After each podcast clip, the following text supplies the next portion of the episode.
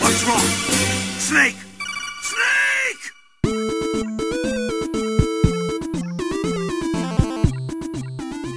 Cześć, słuchajcie piątego odcinka podcastu Gorące Krzesła. Jestem Krzysiek Ceran, ze mną przy mikrofonie siedzi Paweł Opydo Wi- witam. i Kamil Borek. Witam. I ponownie zebraliśmy się razem w jednej lokacji geograficznej, bo to nagrywanie przez Skype'a to jakoś się nie przyjęło u nas. Ale hej, dobrze was zobaczyć. E, newsy. E, czy śledziliście rozdanie nagród Game Awards, a może Video Game Awards? Nie jestem stuprocentowo pewien, czy one zmieniły nazwę. Nie. Mm, Sprawdziłem wyniki później i, i mój jedyny wniosek to jest taki, że e, Horizon Zero Dawn chyba jest jed- wielkim przegranym takim w rodzaju dużo Tak, nominacji, zero dużo, dużo nagród. nominacji, e, faktycznie chyba ani jednej.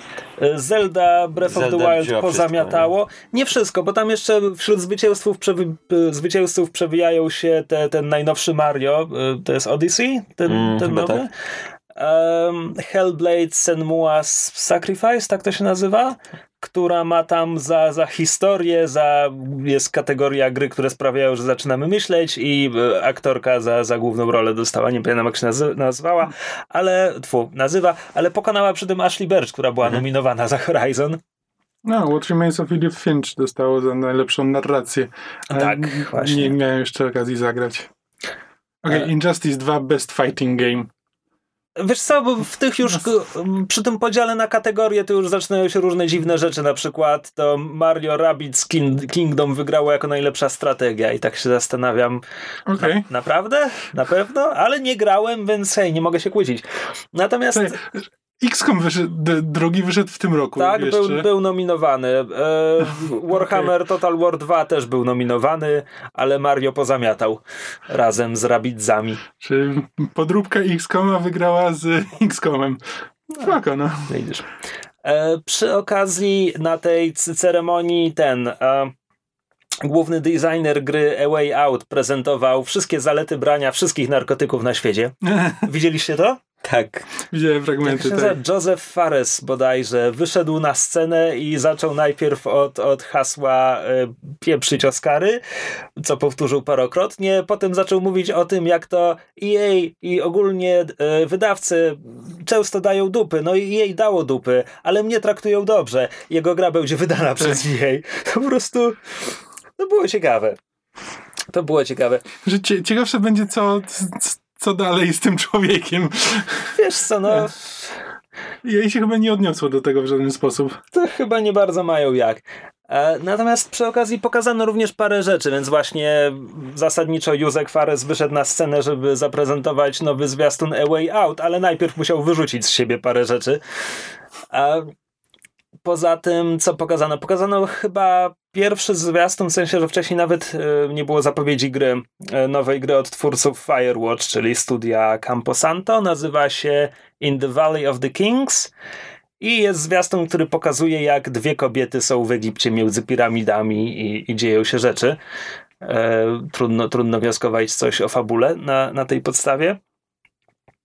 Pokazano materiał A Way Out, ale szczerze mówiąc trochę mnie znudził, bo było za dużo gadania do kamery, w sensie twórców gry. A, I miałem wrażenie, że coś jeszcze, ale już mi umknęło. Był, była, nie, to czekaj, bo mi się myli z PlayStation Experience cały czas. A, a to z kolei ja to przegapiłem. To jest taka konferencja, na której Sony pokazuje rzeczy. Poka- Aha, y, bo mi, mi, mi się mieszają te rzeczy, bo na pewno na którejś z tych imprez pokazano z Detroit Become Human gameplay, jakiś pierwszy. To chyba na tej drugiej. Gra, która mnie zupełnie nie interesuje i ciąg dalszy tej gry, gdzie jest taki rycerz z głową, y, czaszką zamiast głowy, taki animowa. Wiesz o czym... Hollow Knight? A nie, to jest remaster Medieval. Medieval. No tak, Medieval to jest taka rzecz z późnych lat 90., chcę powiedzieć. Tak, i ma być, co jeszcze jest? Yy, tak jak mówiłem, y, Detroit pierwszy, y, pierwszy zwiastun gameplayowy, bo chyba wcześniej nie było gameplayowego zwiastuna, czy był? Nie pamiętam, bo mnie ta Wiesz gra co, kompletnie była nie taka interesuje. sekwencja z ojcem bijącym dziecko i tym, czy możesz tam zainterwować, czy nie, ale ja nawet nie wiem, czy to pokazywali publicznie, czy tylko dziennikarzom i dziennikarze to opisali później. Wiesz, że w grach Davida Cage'a to i tak ciężko stwierdzić, co jest gameplayem, a co jest. E, no. Mało tam w sumie jest gameplayu, nie? No tak. E, VR-owy The Last Guardian, VR-owa gra z Rickiem, Rickiem i Mortim, co może być dziwne. Soul Calibur 6, którego, którego ja kompletnie nie... Ale no to czekaj, w ale to... Ja akurat ten.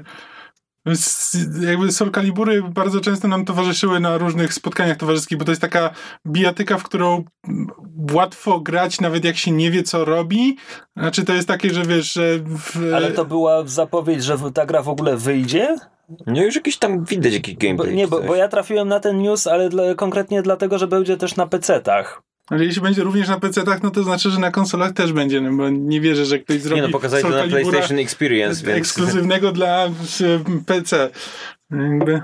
Nie, moje zdziwienie wynikało stąd, że przeczytałem tego newsa jako, że gra już jest na konsolach, a trafi na PC-ty, bo Mm, Nie, z grami konsolowymi zazwyczaj tak jest, że nie, dlatego się dziwię, nie, bo właśnie Soul Calibur to był taki wielki nieobecny nowej generacji konsol. Bo jakby ostatnia piątka była jeszcze na PS3 i to Xbox była ta 360. z gościem z Force Unleashed, Jodą i Vaderem? No, no, może. Albo z Asasynem? Nie wiem. E, nie pamiętam, w każdym razie so, no Soul Calibury, no to mi się zlewają w jedno, no są ludzie z wielkimi mieczami i się naparzają. No i zasadniczo jak naciskasz guziki, to się fajne rzeczy dzieją. Okej, to brzmi niepokojąco. Czy ktoś z was grał, w, bo pokazali też VR-owy teaser VR-owej wersji The Last Guardian. Ja sporo, sporo materiałów o tej grze widziałem, czytałem i one tam, nam twórcy podjęli takie decyzje, które są interesujące na papierze, na przykład, żeby zasymulować, że wielki gryfopies y, jest zwierzęciem, więc on cię słucha tylko czasami, kiedy mówisz mu, że masz coś zrobić, co jest fajne na papierze, ale myślę sobie, że może strasznie irytować gracza, jak tylko naciskasz ten przycisk, a, a zwierzę nie chce się ruszyć. No, do tego słyszałem, że ten, ciężko się kontroluje tego chłopca, kamera y, jest beznadziejna i zasadniczo są takie typowe problemy gry, gdzie jest, wiesz, fajna koncepcja, ale Hmm. popracowali nad tym kilkanaście lat, ale jeszcze parę by się przydało, żeby to tak doszlifować. Czyli zasadniczo to jest taka gra Molinu. Jest dużo obietnic, jest zwierzątko, które możesz kontrolować i które ma mieć własną inteligencję, a na koniec i tak z tego nic nie wychodzi. A propos, Black and White było, nie wiem, grałem No, tylko w demo. a propos y, przesuwania gier, to Ubisoft powiedział, że potrzebują czasu i ogłosili, że przesuwają Far Cry nowy Ale tam chyba tylko o miesiąc. o miesiąc tylko, ale też ogłosili, że jakiś niezapowiedziany projekt związany z jedną z ich marek, czyli możemy sobie zgadywać, co to jest, przesunęli na kolejny rok. Więc teraz mamy niesamowitą informację o tym, że gra, o której do tej pory nie wiedzieliśmy, to teraz nie będziemy o niej wiedzieć o rok dłużej. Czekaj, czekaj, mówisz któraś z... Aha, ale jeszcze nie zapowiedziane, czyli to nie będzie Beyond Good and Evil 2. Nie, nie, to tam, tam zasugerowali, że to jest jakaś niezapowiedziana gra z jednej z ich marek, franczyz, czy coś tam. zapowiedź? Więc zastanawiam, ale nie no, możesz się zastanawiać, co to mogło być. Zrobiliśmy grę, mieliśmy ją wypuścić. Nie Może słyszeliście może niej, chcieli a teraz ją nie zapowiedzieć- wypuścicie i nie wypuścimy przez Może rok. chcieli zapo- zapowiedzieć Watch Dogs 3 na przykład i teraz mają zamiar za, na, na, na zmianę wypuszczać Watch Dogs i Assassin's Creed co dwa lata i ten Watch Dogs jednak będzie rok później. Co może być jeszcze? Może coś... Podobno w ogóle tak usłyszałem, słyszałem ostatnio od moich kumpli, że Division w ogóle bardzo dobrze się gra, że ta gra po, po tym czasie po którym tak trochę ucichło o niej, to podobno się tak wstaje z kolan i oni tam dużo robią, żeby ta gra y, wróciła na piedestał i dużo ludzi bardzo mówi, że wraca do niej, w ogóle się świetnie gra, że poprawili masę błędów, których, czy problemów, które były dotychczas, bo dla, nie wiem, czy mieliście okazję zagrać w Division w ogóle? Nie. No to kojarzycie o co chodzi? No czy tak. ten? Tak, Division takie quasi MMO TPP w postapokaliptycznym powiedzmy Nowym Jorku i na początku zapowiedzi były takie szumne, że zaczyna się od niewielkiego fragmentu miasta, a potem kolejne dodatki będą powiększać te fragmenty miasta, y, open world, w ogóle survivalowy.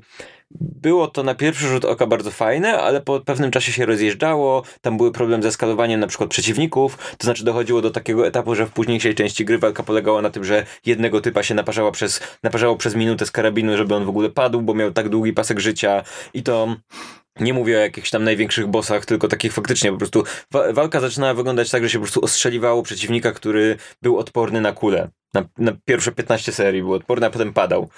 I w pewnym momencie to było dla mnie absurdalne. Ja chyba nigdy nie wylewelowałem tej gry do końca, ale podobno już to zostało poprawione, bo ten system walki został przerobiony. Mówię, jakby opieram się na informacjach z drugiej ręki, więc trochę tak wymyślam. Ja takim, takim ten trochę nie ufam, bo to jest trochę tak, jakby mi ktoś mówił, że Sega Saturn jest super. Jeśli ktoś jeszcze, jeszcze teraz gra w, e, w The Division w tym momencie, to prawdopodobnie próbuje to sobie jakoś uzasadnić, że nie, nie, nie, ta gra naprawdę się zmieniła, teraz jest naprawdę dobra. Znaczy ja, ja Nikt w nią nie gra, więc nikt tego nie sprawdzi, więc teraz mogę powiedzieć, że jest dobra i że ja nie gram. Te godziny, które na niej poświęciłem, wcale nie są zmarnowane. Tylko, Mamo! ja słyszę to też od ludzi, którzy właśnie nie grali w tym czasie, bo odeszli od Division dwa miesiące po premierze i teraz wracają, bo nie mają co robić. Yy, Jest, wiesz, długie zimowe wieczory, yy, czekamy na tam dodatek do... Już nie czekamy, ale czekaliśmy przez jakiś czas na dodatek do Destiny, nie ma co grać, no to sprawdźmy, może to Division się jakoś tam ten i nagle wszyscy mówią, że bardzo dobrze, bardzo fajnie, więc mówię, ja chyba też yy, w wolnej chwili sprawdzę, co tam się pozmieniało. I w ogóle jakby do, do czego dążę? Dążę do tego, że mam, jak już ostatnio decyzję Ubisoftu, mam wrażenie, że, to, że troszkę to powoli, bo powoli, ale odwracają się od tego bycia taką bezduszną korporacją, która co rok wypuszcza niedopracowane tytuły, a zaczynają jakoś tak, mam wrażenie, że trochę doszli chyba do wniosku, że to im się nie do końca opłaca i zaczynają chyba nie wiem, jakieś takie mam poczucie, że te newsy od nich, że Może chcą się trochę zdystansować, zobaczyli co się stało z EA i jakby nie chcą iść tą drogą i trochę chcą się jakby pozycjonować jako przeciwieństwo EA i jakby wiesz, zauważać te trendy wcześniej niż konkurencja. Jakby wiesz, no nie, nie mogą za bardzo, czy no Ubisoft jest dużą firmą, ale mimo wszystko wydaje mi się, że EA ma, jeśli chodzi o zasoby, to EA ma dużą przewagę nad Ubisoftem. E, więc jakby nie tak, nie, nie są na równym tym, więc Ubisoft przynajmniej może konkurować, wiesz, w kwestii opinii publicznej e, z EA i może, może na tym coś ugra. Już przynajmniej mam taką nadzieję. Ubi, jest, ja bardzo lubię Ubisoft. Znaczy, ja to przez długi czas to był taki.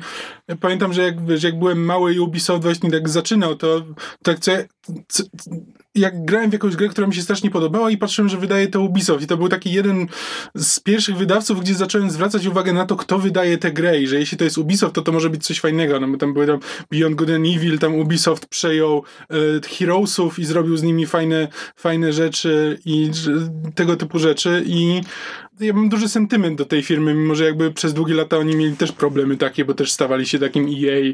Pamiętam, pamiętam te wszystkie dramy z D- DRM-ami. Ubisoft przez długi czas po prostu robił tak, tak zabójcze DRM-y, że w gry się nie dało grać. E, ale no... Nie no, dawało się, pirackie wersje śmigały jak ta Tak, lala. tak, tak, dokładnie. To co, y, jeszcze jakieś newsy, czy przechodzimy z kompromito- kompromitowania się naszym brakiem wiedzy o bieżących wydarzeniach w świecie gier Do kompromitowania się brakiem wiedzy o grach, które zagraliśmy? Tak, dokładnie. Możemy, możemy coś takiego zrobić. Brzmi dobrze. Kto zaczyna? Kamil. Ja Kamil proponuję, zaczyna. żeby Kamil zaczął, bo ostatnio chciałeś opowiedzieć o czymś i nie opowiedziałeś o tym ostatecznie. Znaczy, tak, jest mm, parę tytułów, znaczy tak. E, w Hitmana grałem, tego nowego. Nowy Hitman, który nazywa się po prostu Hitman, bo żyjemy w, w strasznych czasach. Nie, nie, czekaj, ale to jest pierwsza gra, która nazywa się po prostu Hitman. No tak, bo w pierwsze było Hitman Codename nazywał się 47 właśnie. chyba. Pierwszy Tak. miał podtytuł. E, więc teraz ta nowa nazywa się Hitman i to była gra em, epizodyczna. Ten Hitman się ukazywał w, przez, cały, przez cały zeszły rok, e, czy ten rok, e, co tam w jakichś takich odstępach, tam 2016-2017 chyba, e, co jakiś czas ukazywała się nowa misja w Hitmana. Jakby z, idea była taka, że no, ponieważ Hitman no to jest taka dosyć freeformowa gra, sandboxowa, możesz, możesz sobie każdą misję przejść na wiele różnych sposobów, no to właśnie dostajesz taką misję i przechodzisz ją sobie na kilka różnych sposobów e, i czekasz na następną misję, która przyjdzie tam miesiąc albo dwa miesiące później i wtedy zaczynasz ogrywać kolejną misję. I tam się t- tam za każdy, w każdej misji masz no, kilka sposobów, znaczy masz zawsze jeden e, Masz konkretny cel, zabić taką i taką osobę. Zazwyczaj jest to więcej niż jedna osoba.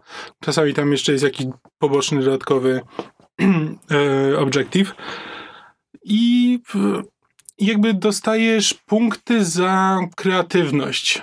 E, jakby dostajesz punkty za kreatywność i za jakby nie rzucanie się w oczy. I to jest tak, że to jest strasznie fajny zamysł i on jest nawet dobrze wykonany. Hi- Hitman to jest fajna gra. E, mi się w to bardzo fajnie grało. Te poziomy są naprawdę duże. Każda misja to jest przynajmniej tak. E, znaczy, za pierwszym razem to potrafiło mi zajmować nawet dwie godziny, jakby przejście. Takie nieśpieszne, jakby chodziłem, patrzyłem e, na poziomy, patrzyłem, co można zrobić w którym miejscu i wybierałem, jak podejść, e, jak podejść do, do danego zadania. E, I naprawdę jest dużo tych możliwości, tylko że problem jest taki, że masz tak zwane opportunities, czyli możliwości przewidziane przez twórców. One są zazwyczaj takie bardzo, bardzo widowiskowe i podstępne, ale są, ale są mm, no, że nie tyle oskryptowane, ale jakby przewidziane przez twórców. E, Albo z drugiej strony możesz podejść do tego zupełnie inaczej, jakby możesz zabić w dowolny inny sposób. Jeżeli jeśli ci się nie chce, to możesz po prostu znaleźć sobie dobre miejsce i ze snajperką e, ze snajperką się zaczaić i, e, i rozwalić celowi gł- głowę i też będzie, też będzie spoko. Albo możesz, e, możesz e, podłączyć, masz czasami na przykład kałużę, do której możesz podpiąć, e, jeśli leży w niej akurat przedłużacz, to możesz go zasabotować, tak że jeśli ktoś wejdzie w tą kałużę, to go porazi prąd i umrze. Wszędzie są kałuże, w których akurat leży przedłużacz. Trochę to, trochę to tak wygląda. I właśnie to jest tak, że albo masz takie rozwiązania, które są jakby nie czujesz się szczególnie em, odkrywczo, kiedy bo, bo, bo gra to przewidziała. Gra ci nawet mówi, co, co masz zrobić w którym momencie, jeśli chcesz wykonać to opportunities. Albo no, grasz w sposób, że albo znajdujesz swój sposób i, i on jest taki formulaiczny. Znaczy, no, że właśnie no, masz w, w paru miejscach te kałuże i, i zazwyczaj ktoś przechodzi przez te kałuże. Czasami musisz, nie wiem, coś zrobić, żeby on poszedł w inną stronę niż, e, niż ten, ale jakby przez cały czas brakowało mi takiego właśnie poczucia, że jak skończyłem tę misję, to fajnie mi się w nią grało, ale nie miałem żadnego em, napędu, żeby przychodzić ją jeszcze raz, żeby spróbować w inny sposób. Bo jakby większość tych sposobów jakby widziałem, że okej, tutaj mógłbym zrobić to, e, i wiesz, i po prostu przy, wchodząc po tym levelu znajdowałem, wiesz, znajdowałem takie możliwości, na przykład e, akurat e, ten, akurat nie dało, że jeśli bym znalazł przebranie kogoś, to wtedy mogę pójść w tamto miejsce i zabić tego człowieka w ten sposób. Ale, ale tak bardzo mi się nie chciało tego wykonywać, znaczy w momencie, kiedy już znajdę ten sposób, to jakby wykonanie go mnie szczególnie nie jara. Jakby i za pierwszym razem w tę misję gra mi się fajnie, bo właśnie poznaję te wszystkie sposoby i wybieram sobie ten, który, który mnie najbardziej satysfakcjonuje, a potem mi się nie chce. E, I przeszedłem po prostu całą kampanię i tak myślałem, że no wrócę jeszcze, może spróbuję tą misję i tak zacząłem grać w którąś z tych misji jeszcze raz i w połowie stwierdziłem, że no nie, no robię jeszcze raz to samo, No tylko... dobra, ale czy grając w poprzednie Hitmany miałeś tak, że bawiłeś się poziomami i wracałeś do nich raz za razem? E, w Blood Money trochę tak. Znaczy to był, to był ostatni Hitman, w którego... e, Okej, ale jak mi opisujesz, jak to wygląda w Hitmanie i ja sobie przypominam, jak to wyglądało w Blood Money, to nie widzę różnicy. Nie, nie ma różnicy. Y, Jakby to jest, y, wręcz przeciwnie, jakby to, to jest najlepszy remake Blood Money, jaki można było zrobić. Znaczy, Znaczy, wiesz co, Hitman to w ogóle jest taki cykl, który ma wielu fanów, ale jakby ma, miał dotąd pięć części, z czego tylko jedną dobrą, bo poza Blood Money Mhm. To albo te gry szły w bardzo dziwnych kierunkach, jak, e, co to było, Substitution, Absolution, jak Absolution, e, albo Znaczy- po prostu były niedorobione, znaczy- tak jak pierwsze trzy przed Blood Money, każda Znaczy, była niedorobiona. Mm, Znaczy tak, ale jakby pierwsze, w pierwszego się nie da grać. W pierwszego jakby z współczesnej perspektywy ja próbowałem do tego wrócić, nie da się. Po prostu No i wtedy jest... jak wyszedł, to nie potrafiłem w niego grać. Tak, tam po prostu masz ten. E, kucanie jest pod czwórką. E, I po prostu masz te, tego typu rzeczy, po prostu kompletnie design z dupy, który nie, nie wiesz czemu służy, jakby robienie czegokolwiek w tym poziomie jest kompletnie niesatysfakcjonujące, bo, bo nie, nie, nie masz kontroli nad tym, co akurat, co akurat twoja postać zrobi. W dwójkę, ja w dwójkę bardzo dużo grałem. Tylko, że tam z kolei oni poszli bardzo mocno w fabule, więc w fabułę, Mhm. która w Hitmanach zawsze była idiotyczna, więc w dwójce biegasz za swoimi klonami i parę razy wyskakuje na ciebie whistle z karabinem i to jest finał misji. Tak. I to, to, to nie było fajne. Znaczy tak, bo jakby dwójka miała... Znaczy dwójka była najbliżej jakby Blood Money z tego, co co się dało jakby, miała sporo właśnie takich e, się nazywa emergent gameplay, ale takich po prostu wynikających z systemów samej gry ni, niż z tego, że ktoś ci, że twórcy coś zaplanowali. No ale potem właśnie psuli cały efekt tym, że potem miałeś sekwencję, w której po prostu musisz się napieprzać ze swoim klonem bez żadnego wyraźnego powodu. Trój, trójka potem to, była, to, to, To był był koszmar. kontrakt, prawda? Tak, Zacząłem tak. w to grać, chyba odpadłem na pierwszej misji. Jakoś tak bardzo się odbiłem od tej gry. Tak, bo to poszli bardziej w skradankę s- i taki właśnie ten, i już nie, nie, było, nie było wielkich otwartych poziomów, tak naprawdę tylko miałeś takie korytarze, które można było przejść na dwa, trzy różne sposoby, ale, ale nie bardzo to było wciągające. Absolution, no to poszli już kompletnie, to po prostu była gra akcji w świecie Hitmana e, i nie miała z Hitmanem wiele wspólnego. No, to była piątka, a po drodze było Blood Money, o którym wiesz, no jak, jak ty mówisz tutaj, jasne, w Blood Money twórcy nie, na, nie nazywali konkretnie, że hej, tutaj masz opportunity i wyskakuje ci ikonka, tutaj masz opportunity, no ale jak masz e, poziom w operze, no to możesz zrzucić żyrandol e, na scenę, żeby zabić cel i jakby ty tego nie wymyśliłeś. Ten żyrandol tam jest, wiesz, że on tam jest, wiesz, że masz materiał wybuchowy do tego. Wie, y, możesz, możesz zamienić ten y, pistolet, który jest rekwizytem, na prawdziwy pistolet, żeby cel sam kogoś zastrzelił. I znowu, jakby to jest bardzo zasygnalizowane od początku misji. Tak, ale nie jest, nie jest powiedziane, nie masz jakby waypointu, który ci wskazuje, że tu jest pistolet i jeśli go zamienisz, to wtedy ta postać zginie, tylko no jakby masz to pokazane, ale masz tą ułudę, że sam to wymyśliłeś. Okej, okej, a czy w opcjach nie możesz tego wyłączyć? Być może, znaczy można, z tego, z tego co wiem, tylko że z drugiej strony No nie wiem, jeśli przeszkadzało ci to przez pierwsze pół gry, to mogłeś spróbować to wyłączyć na drugie pół gry. Ale to właśnie o to chodzi, że to mi jakby nie tyle, jak to przechodziłem, mówię, ja się w to bardzo dobrze bawiłem, jak grałem po raz pierwszy. I ja chciałem, żeby to, te opportunities mi się pokazywały, bo chciałem zobaczyć, co ta gra ma do zaoferowania.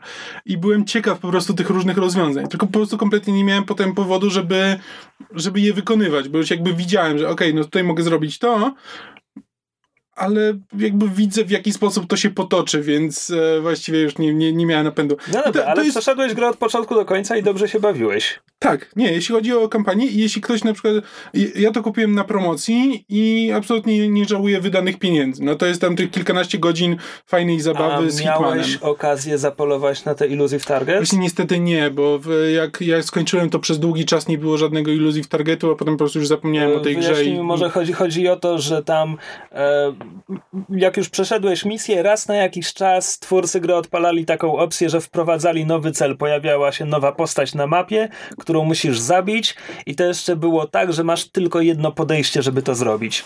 Tak, to, to jest coś, co zdecydowanie by mi pomogło, tylko po prostu autentycznie, jakby przeszedłem tę grę i wracałem do niej przez następne dwa tygodnie i nie pojawił się żaden nowy Elusive Target.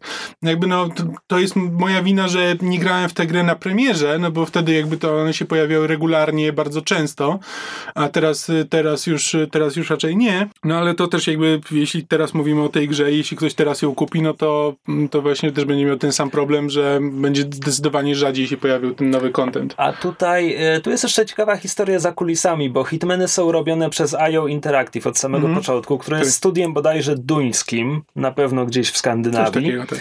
E, którzy zostali wykupieni przez Eidos gdzieś tam, nie wiem ile lat temu, ale już sporo. I pod Eidos, na pewno pod Eidosem zrobili Absolution, czyli poprzednią grę i, i Hitmana. Nie wiem, czy Blood Money robili jeszcze jako niezależni, czy już... Yy, nieważne. W każdym razie puenta jest taka, że Hitman sprzedał się dobrze, ale poniżej oczekiwań Eidosu, jak każda gra, którą wypuszcza Eidos ostatnio. Więc było pytanie, co dalej? Eidos jest rozczarowany, może zamknie studio. Wydawcy czasem tak robią, jak ich gra rozczaruje. E, ale nie. E, IO Interactive Eidos wykupiło prostu, się na e, wolność. Wypuścił ich po prostu na wolność tam za E, jakieś tam frycowe. E, Tak, co, e, co więcej, IO powiedziało, że Hitman sprzedał się tak, że my jesteśmy usatysfakcjonowani, więc będziemy robić kolejnego. Mhm.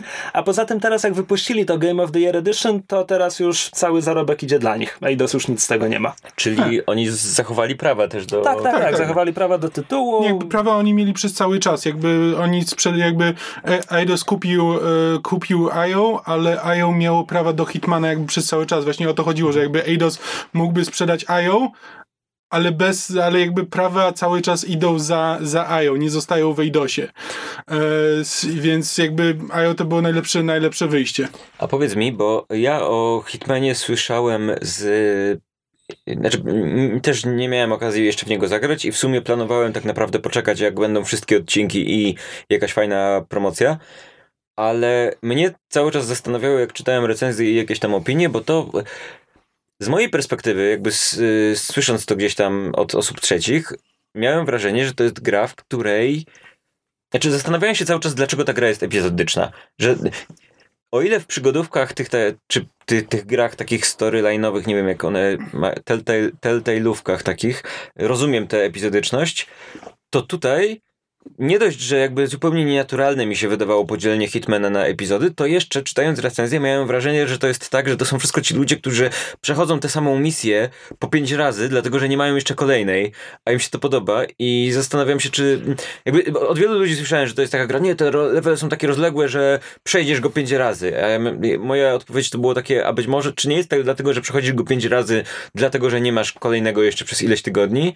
I czy w ogóle ta epizodyczność uważasz, że to jest ok, czy jednak teraz to, co dostałeś, to jest pełny pakiet, a wcześniej to był pretekst tylko, żeby, nie wiem, więcej zarobić, czy cokolwiek? Znaczy, to jest tak, prawdopodobnie gdybym e, grał w to epizodycznie, jest większa szansa, że rzeczywiście bym przechodził tę misję po kilka razy i próbował, próbował różnych możliwości ten, e, co tam się dzieje.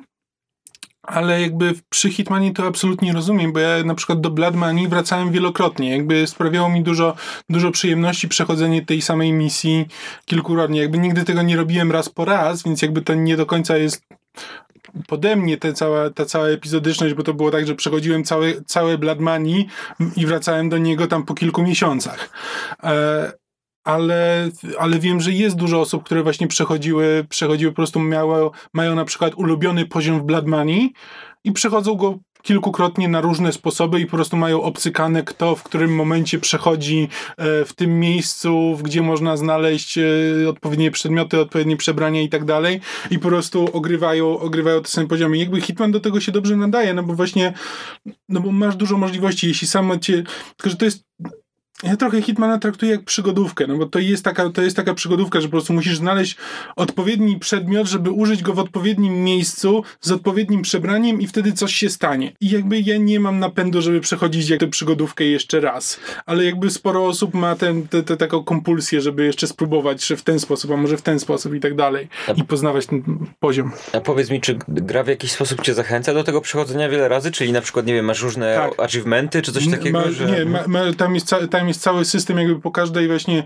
e, po każdym przejściu dostajesz punkty za tam rozwiązania, których w, na przykład, w, e, których poprzednio nie zrobiłeś. Znaczy, że jeśli teraz zabijesz kogoś motorówką, e, to jakby za, za to dostajesz jakieś tam punkty za odblokowanie achievementu, że zabiłeś kogoś motorówką, a jeśli zrzucisz na niego helikopter potem w następnej rozgrywce, to dostajesz jeszcze ileś tam punktów i te punkty odblokowują ci różne miejsca, w których możesz zaczynać misję, e, różne przebrania, w których możesz zaczynać misję, jakby ekwipunek, e, punkty jakby zrzutów, w których, w których możesz znaleźć ekwipunek jakiś cięższy, e, że na przykład, no bo, no, często, bo poziomy są często skonstruowane tak, że jakby wchodzi, musisz przejść przez jakąś tam bramkę ochrony, więc nie możesz w niej ze sobą broni, ale możesz ustawić sobie punkt, e, punkt agencyjny, w którym znajdziesz później już wejdąc na teren, we- wszedłszy, wszedłszy na teren e, tam jakiejś, e, jakiejś bazy, to gdzieś tam w środku musisz znaleźć punkt, w którym znajdzie się teraz twoja snajperka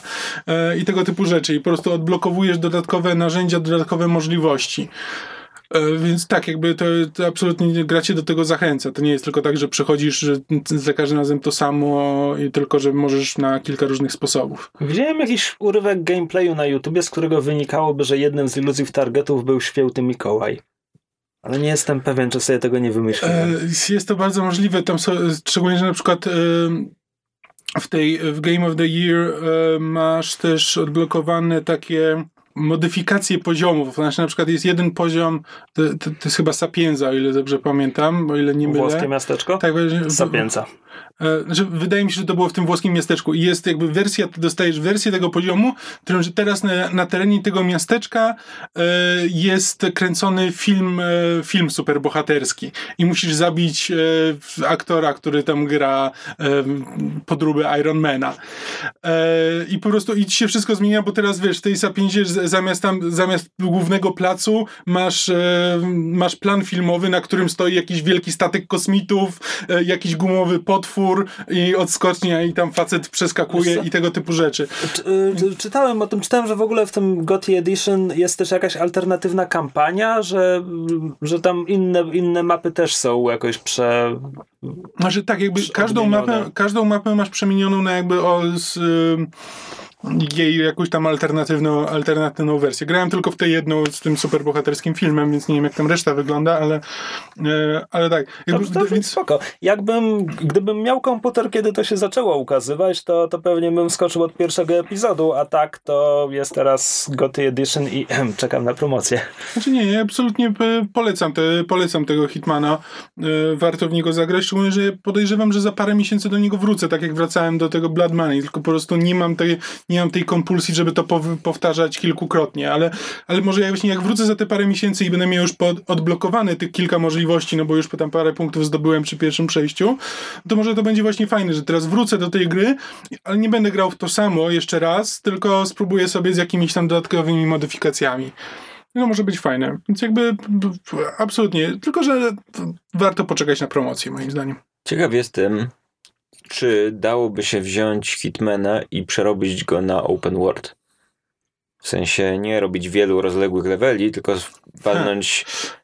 Myślę, że to mogłoby mm, w, sprzyjać. Nie wiem, jak to się mówi po polsku, ponownemu graniu i takiemu Mhm. właśnie wrzucić tam trochę jakichś randomowych questów. Wiesz co, tyle że Hitman jakby, on się zawsze opierał na tym, że każdy poziom to jest taka wielka, skomplikowana maszyna, gdzie jest mnóstwo elementów i ty mordujesz jeden z nich i patrzysz, jak to, jak to zmienia Mhm. wszystko. Tak, I wydaje mi się, że oni są w stanie to zawrzeć w levelu, a po prostu już nie ma jak tego rozbudować na Wiesz Tak, byśmy po prostu wielki świat, w których masz kilka takich maszyn i to by się Tak, jakby... tak. Przy tym to, y, jasne, to musiałoby na przykład być tak, że jeżeli masz lotnisko, to to lotnisko jest takim zamkniętym levelem w tym mieście, ale poza tym, jak wyjdziesz poza to lotnisko, to to trochę inaczej działa. Plus, jakby to, co jest w grach y, open worldowych, które zawsze, w których y, ja się osta- ostatnio nad tym zastanawiałem, pytałem tam ludzi znajomych, którzy się zajmują gdzieś tam robieniem gier, skąd to się bierze, bo w grach open world jest, są zawsze bardzo duże problemy z zachowaniami ludzi, których nie ma na przykład w mniejszych grach. W sensie, jeszcze nie było chyba w gry, takiej, w których się na przykład jeździ samochodem w otwartym świecie, w której przechodnie realistycznie reagują na to, że ktoś jedzie po chodniku. Bo są, No tak. albo, są dwie wersje. Albo ktoś reaguje niesamowicie jakby przesadnie, czyli jedziesz szybko w okolicy i więc ktoś ci e, sk- skacze po prostu. Tak, e, jedziesz o te 5 pikseli za blisko krawężnika, ale Tak, wciąż po ulicy skacze gdzieś tam skaczą po prostu w ścianę. Albo właśnie reagują tak, że możesz jechać po chodniku, jeżeli jedziesz powoli po chodniku, to ktoś po prostu idzie w twoim kierunku i w ogóle nie zwraca uwagi na to, że coś dziwnego się dzieje. Ludzie kompletnie nierealistycznie Mm. zachowują się i, i to jest jakby ten problem. Nie wiem, wydaje mi się, że nie wiem, nawet nie potrafię powiedzieć, w czym to zostało zrobione w miarę rozsądnie. Wydaje mi się, że Horizon miał chyba jak na te gry takie No, dość rozsądne, ale ludzi, tam jest jakby nie ma tam Samochodów chyba samochodów na przykład. Tak, Mm, Watch Dogs 2 chyba całkiem nieźle sobie radziło z tym, ale też jakby na, na, to jest nadal ten poziom, który jakby, to jest poziom, że jak ktoś się dobrze, dobrze radzi, to prawdopodobnie i tak jest gorzej niż w grach, w których masz małe levele. No i to, to, to jest to jakby co pr- przeszkadzało. Hitman open worldowy wymagałby realistycznego zachowania ludzi na ulicach. I... Znaczy tak, jakby w open worldach masz to, że jakby jak masz jakiś tam jeden poziom i wprowadzisz tam jakiś to, to, to, to, to spoko, ale jak to masz w open worldzie i powtarzasz to wielokrotnie, na przykład ten, ten jeden, ten drobny ruch, który jest bardzo fajny w założeniu w, w grach y, z Asasynem, kiedy on kładzie rękę i jakby przeciska się przez tłum, jakby kładąc rękę na innych i trochę tak jakby, tak jakby ich przepychał trochę. Tylko, że grając to kilka godzin i jakby chodząc po tym mieście wielokrotnie, to Ezio jest po prostu jakimś takim mole- molestującym typem, który po prostu chodzi po ulicy i głaska ludzi przechodząc koło nich.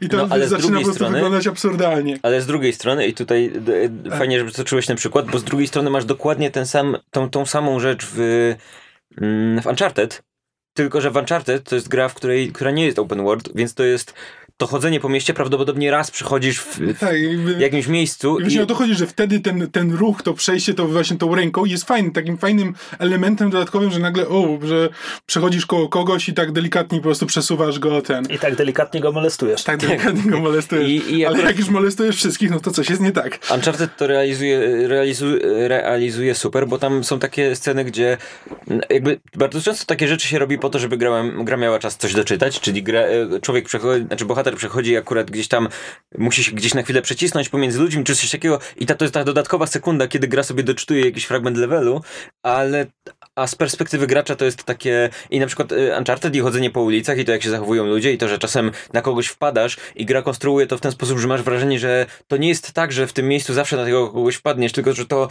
autentycznie ma, masz takie wrażenie, że jakbyś przesunął tym padem w lewo trochę, to byś nie wpadł na tego kogoś. Mhm. Tylko, że prawda jest taka, że jeżeli przesuniesz to i tak Nathan na, to, na Tak. niego wpadnie, tylko ten ktoś się trochę szybciej przesunie, bo gra przewidzi to i tak dalej, i tak dalej, ale robi to świetne wrażenie, a w grach open world to zaczyna być dziwne, bo faktycznie masz Ezio, który maca ludzi. Chociaż to, to jak tam było wtedy też opcja y, y, tego okradania tych ludzi, co, co sprawiało, że to jakby to było tak. trochę usprawiedliwione, bo on chodził, dotykał, dotykał i takie się dolary pokazywały na nim, czy jakieś tam, nie wiem, nie wiem jakie, to raczej nie mieli dolarów w, w Symula- Florencji. E, s- ale nie, bo ja chciałem wrócić do tego Hitmana open worldowego, bo, bo wydaje mi się, że tam można bo, okej, to by były takie maszyny pozamykane, że masz właśnie kilka takich poziomów w jednym świecie pozamykanych, ale można by było zrobić jakieś elementy, które przechodzą od poziomu do poziomu. Jakieś, wiesz, samochody dostawcze, które jadą z, tego, z tej jednej maszyny do drugiej maszyny, więc możesz sobie coś, nie wiem, przewieźć z jednego poziomu do innego poziomu, czy Tylko- kogoś przewieźć i tak dalej. Tylko po co? Bo, bo pomiędzy tymi zamkniętymi maszynami tam jest miasto, do którego nagle trzeba by nawtykać minigierek, które nie miałyby nic wspólnego z tym, na czym zasadniczo polega gra w Hitmana. Znaczy, mm, w, w mojej głowie pojawia się Watch Dogs 2 w tym momencie, który nie jest tak bardzo rozbudowany jak Hitman, jeżeli chodzi o ten element skradankowy, ale jest tam ten taki element, że masz drona, z którego możesz wykorzystywać, możesz do każdej misji podejść na wiele sposobów, począwszy od takiej totalnej rozwałki, że wpadasz z karabinem i strzelasz do wszystkiego, po takie właśnie bardzo rzeczy, że y, y, jest misja w Watch Dogs 2, gdzie masz wyprowadzić y, sam ciężarówkę z jakimś tam elementem z, z, z fabryki jakiejś tam, z robotem, nieważne. I jesteś w stanie to robić w ten sposób, że na przykład wysadzasz coś z jakiejś, gdzieś, gdzieś obok tej bazy, jesteś w stanie, nie wiem, zrobić przeciążenie, tak żeby tam zbiegli się yy, strażnicy, schakować samochód, z, jakby obs obserwując okolice z drona, żeby wiedzieć, co jest, yy, co gdzie jest, schakować komputer w tym samochodzie i po prostu nim wyjechać z tego, otwierając sobie bramę i włamując się do niej po drodze i w ogóle nie wchodząc na teren. I, i tam jest jakby, tam jest bardzo dużo możliwości. To nie są tak kreatywne możliwości, bo te możliwości w Watch Dogs 2 są mimo wszystko poskładane z gotowych elementów, nie? Że masz, mm, masz jakby ten hacking, jest ileś tam obiektów, które można hakować na, każdy na różne sposoby, one są porozrzucane, gra ci nie sugeruje takich, albo rzadziej ci sugeruje takie rozwiązania, że, że widzisz, że wyraźnie, okej, to jest ten taki jakby to jest ta jedna ryba, która jest tylko w jednym momencie w grze i jak ją zatrujesz, to zabijesz tą jedną postać. Jakby czegoś takiego w Watch Dogs nie ma. To z reguły jest tak, że to jest poskładane z elementów, które są powtarzalne, ale jakby to sprawia, że jakby to, to daje radę, więc... ym, więc zastanawiam się, może, może to byłoby fajne u Hitman w Znaczy, wiesz, no bo świecie. wtedy jakby nie musisz mieć minigierek, tylko na przykład możesz mieć pomiędzy jakimiś tymi... Znaczy, to by wymagało dużo maskowania, że jakby nie mogłeś prawdopodobnie przejść dowolnie z każdego do każdego, tylko musiałbyś przechodzić przez jakieś, nie wiem, checkpointy i tak dalej, żeby nie wiem, nie wszystko, ale że wiesz, możesz znajdować jakieś przebrania, czy jakieś przedmioty, które właśnie są w konkretnych miejscach pomiędzy tymi misjami, że możesz wykorzystać w różnych, w różnych misjach. Znaczy, słuchaj, pewnie by się dało, tylko ja autentycznie nie widzę, w jaki sposób Hitman miałby być przez to lepszy. W ogóle jakby to, to są...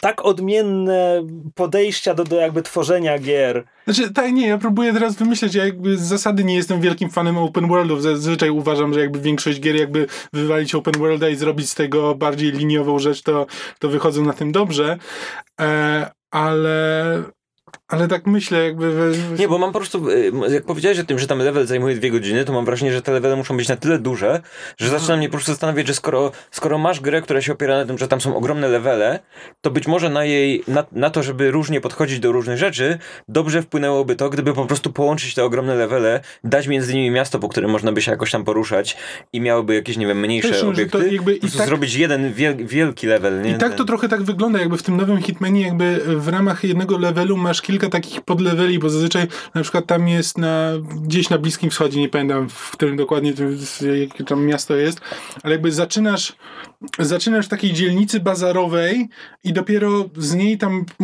możesz sobie znaleźć właśnie tam rzeczy, które będą ci potrzebne później, bo się musisz dostać do ambasady, która, która jest oblegana przez demonstrantów. E, I jakby, jakby to, co robisz w tym jednym poziomie jest zupełnie oderwane od tego, co jest, co jest w tym drugim poziomie, ale jakby, ale tam sobie, tam sobie robisz podbudówkę pod to, co się dalej wydarzy. No dobra, a ja mam jeszcze taki argument, że Hitman jest takim złym Jamesem Bondem. To znaczy nosi garnitur i morduje ludzi, więc na razie wszystko się zgadza i co więcej podróżuje, lata po świecie i odwiedza różne lokacje i wtedy każdy poziom ma jakiś tam określony charakter i tak dalej, a gdyby to miało być w ramach jednego miasta, to byłoby ujednolicone. Vegas. Znaczy, to, to, jest, to jest pierwsze, co pomyślałem, że jakby różnorodność by na tym padła, tylko zastanawiam się na przykład, e, znaczy różnorodność by ucierpiała, ale zastanawiam się na przykład, że jakby gra w stylu Hitmana, ale nie Hitman, no to jeśli wiesz, jeśli to ustawimy nawet w jakimś takim cyberpunkowym, bliskim science fiction, no to jakby jest sporo możliwości, żeby jakby te różne lokacje były urozmaicone, nie były różnymi miejscami na świecie, ale żeby wyglądały, wyglądały inaczej i były czym innym. Powoli zbliżamy się do wynalezienia World Dogs 2 w zasadzie w tym momencie. Jakby niedaleka przyszłość, nie, jednak nie Hitman, niedaleka przyszłość, trochę futurystycznie. Znaczy, wiesz, po Skradanie, sobie- open world i skradanie Nie, po prostu sobie wyobrażam. Znaczy, nie jest na przykład- wiesz, jakby zgadzam się, że prawdopodobnie jakby ktoś rzeczywiście próbował zrobić open worldowego Hitmana, to to by nie wyszło, ale zastanawiam się, czy jakby, wiesz, że jakby rozwiązanie, jeśli mógłbyś rozwiązanie z jednego poziomu przenieść do innego poziomu, to mogłoby być ciekawe, jakby rzeczy, w- wtedy wychodzą rzeczy, których na przykład nawet twórcy mogliby nie przewidzieć, że po prostu e, bierzesz, wiesz, nie wiem, no przepustkę, przebierasz się za fotografa, jakby idziesz w zupełnie inne miejsce niż jakby ten fotograf został prze, e, przewidziany, e, czy nie wiem, tą wybuchającą piłkę do golfa zabierasz ze sobą i nie wiem, co z nią robisz, ale nie przemyślałem tego, jak zaczynałem to zdanie, ale po prostu, że jakby takie, że te rozwiązania, które są przemyślane dla jednego poziomu, patrzysz, czy, czy na przykład, czy nie dałoby się ich zastosować gdzieś w- innych. Okej, czekaj, ale czy Hitman tego nie ma? W sensie, że przedmioty, które odblokowujesz za punkty, możesz potem ich używać? Nie, bo to przeodblokowujesz je dla każdego poziomu osobno. Jakby masz, jakby punktacja jest dla każdego poziomu y, osobna. Jakby odblokowujesz tylko na tym poziomie, a nie, nie tak ogólnie. Znaczy, y, wiesz, to też nie, też nie chodzi mi o to, żebyśmy teraz usiedli i zaprojektowali grę od zera, tylko po prostu mm, jak był zapowiedziany ten Hitman nowy i usłyszałem, że on będzie epizodyczny, to miałem takie, e, okej, czy Hitmanowi coś da, że będzie epizodyczny? Jakby Nie, czu, jakby nie to, czułem. To, to, to była absolutnie decyzja na poziomie wydawniczym, Tak, że... tak. Ale gdyby mi ktoś teraz powiedział, że Hitman będzie open worldowy, to oczywiście, jasne, byłoby tak, że miałbym rzeszę pytań pod tytułem, jak ten open world będzie zape- zapełniony. Czy to będzie tak, że będziesz miał levele, które będą faktycznie levelami, a pomiędzy po prostu będziesz jeździł samochodem i w zasadzie n- nic tam nie ma ciekawego, oprócz tego, że możesz strzelać do ludzi na ulicach, jak ci się nudzi, jak w O GTA. mój Boże, w L.A. Noir nawet tego nie było. To I- był open world tylko dlatego, żeby wtrynić ci 15 minut jazdy po mieście, gdzie nic nie ma. Dialog, nie, nie, dialogów nie było w samochodzie? No pewnie były, bo Rockstar to wydał, tak? No tak. I, y, I być może coś takiego by to było, a być może to byłoby coś innego, ale na pewno byłoby to coś, jak, jakiś kierunek, który by, by mnie trochę zainteresował, może bardziej. Nie wiem, nie wiem, więc po prostu tak rzuciłem. Y, dobra, przechodzimy dalej? Tak, tak, jak najbardziej. Dobra, to ja, ja mam, mm, mam dwie gry, w które ostatnio grałem i obie są stare, ale mm, jedna bardziej stara, druga mniej stara, ale chciałem coś powiedzieć. To znaczy, zagrałem w Diablo 3, ale na konsoli. I to jest ciekawe, To znaczy, w ogóle y, no, pierwszą rzeczą, która jest istotna, to jest to, jak dziwnie jest dystrybuowane Diablo 3 na konsoli, dlatego że e, Diablo 3 na konsoli wyszło, na, na konsolę wyszło najpierw w formie Diablo 3, potem w formie zupełnie osobnej gry, która jest Diablo 3 z dodatkiem, ale nie można sobie, jak masz Diablo 3 na konsoli, to nie możesz sobie dokupić samego dodatku, tylko O, musisz kupić okej, jeszcze raz Tego nie wiedziałem. e, edycję jakąś tam Ultimate Evil Edition ona się nazywa i to jest Diablo 3 plus dodatek.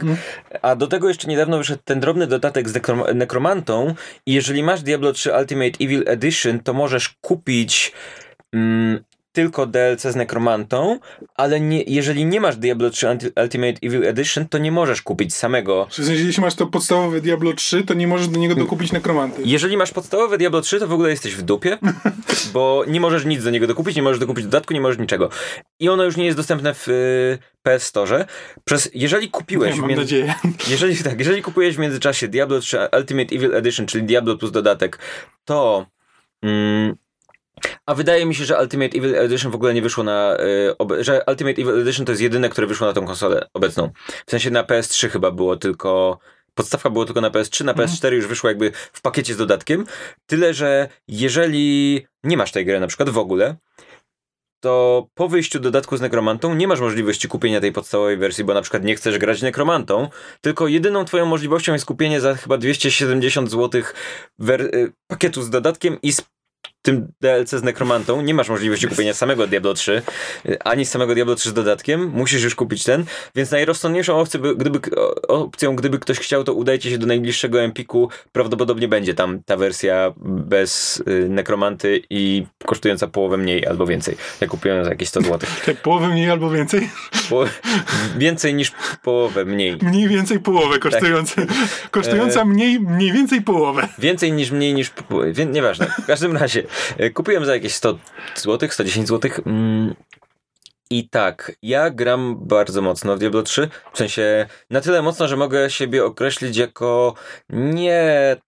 Nie, nie ktoś taki, kto po trzech dniach od po- rozpoczęcia sezonu ma tysięczny y, level, ale no jakby jestem w tym takim high-endowym, powiedzmy, y, w tej high-endowej grupie graczy, gdzie już dropię 15 wersję tego samego przedmiotu, żeby mieć w nim odpowiednie statystyki, albo mieć tam e, Super Ancient Prime wersję tego przedmiotu, nie wiem jak one się teraz nazywają już. Mm, I, wie, Znaczy, i jesteś na tyle high-endowym, że, że dropisz je, ale nie wiesz jak się nazywają. tak. Znaczy, bo oni tam wprowadzają co jakiś czas nowy przedrostek do przedmiotu, żeby on był jeszcze bardziej, No tak. e, jeszcze bardziej perfekcyjny. Ym, I e, jakby na komputerze w ten sposób gram.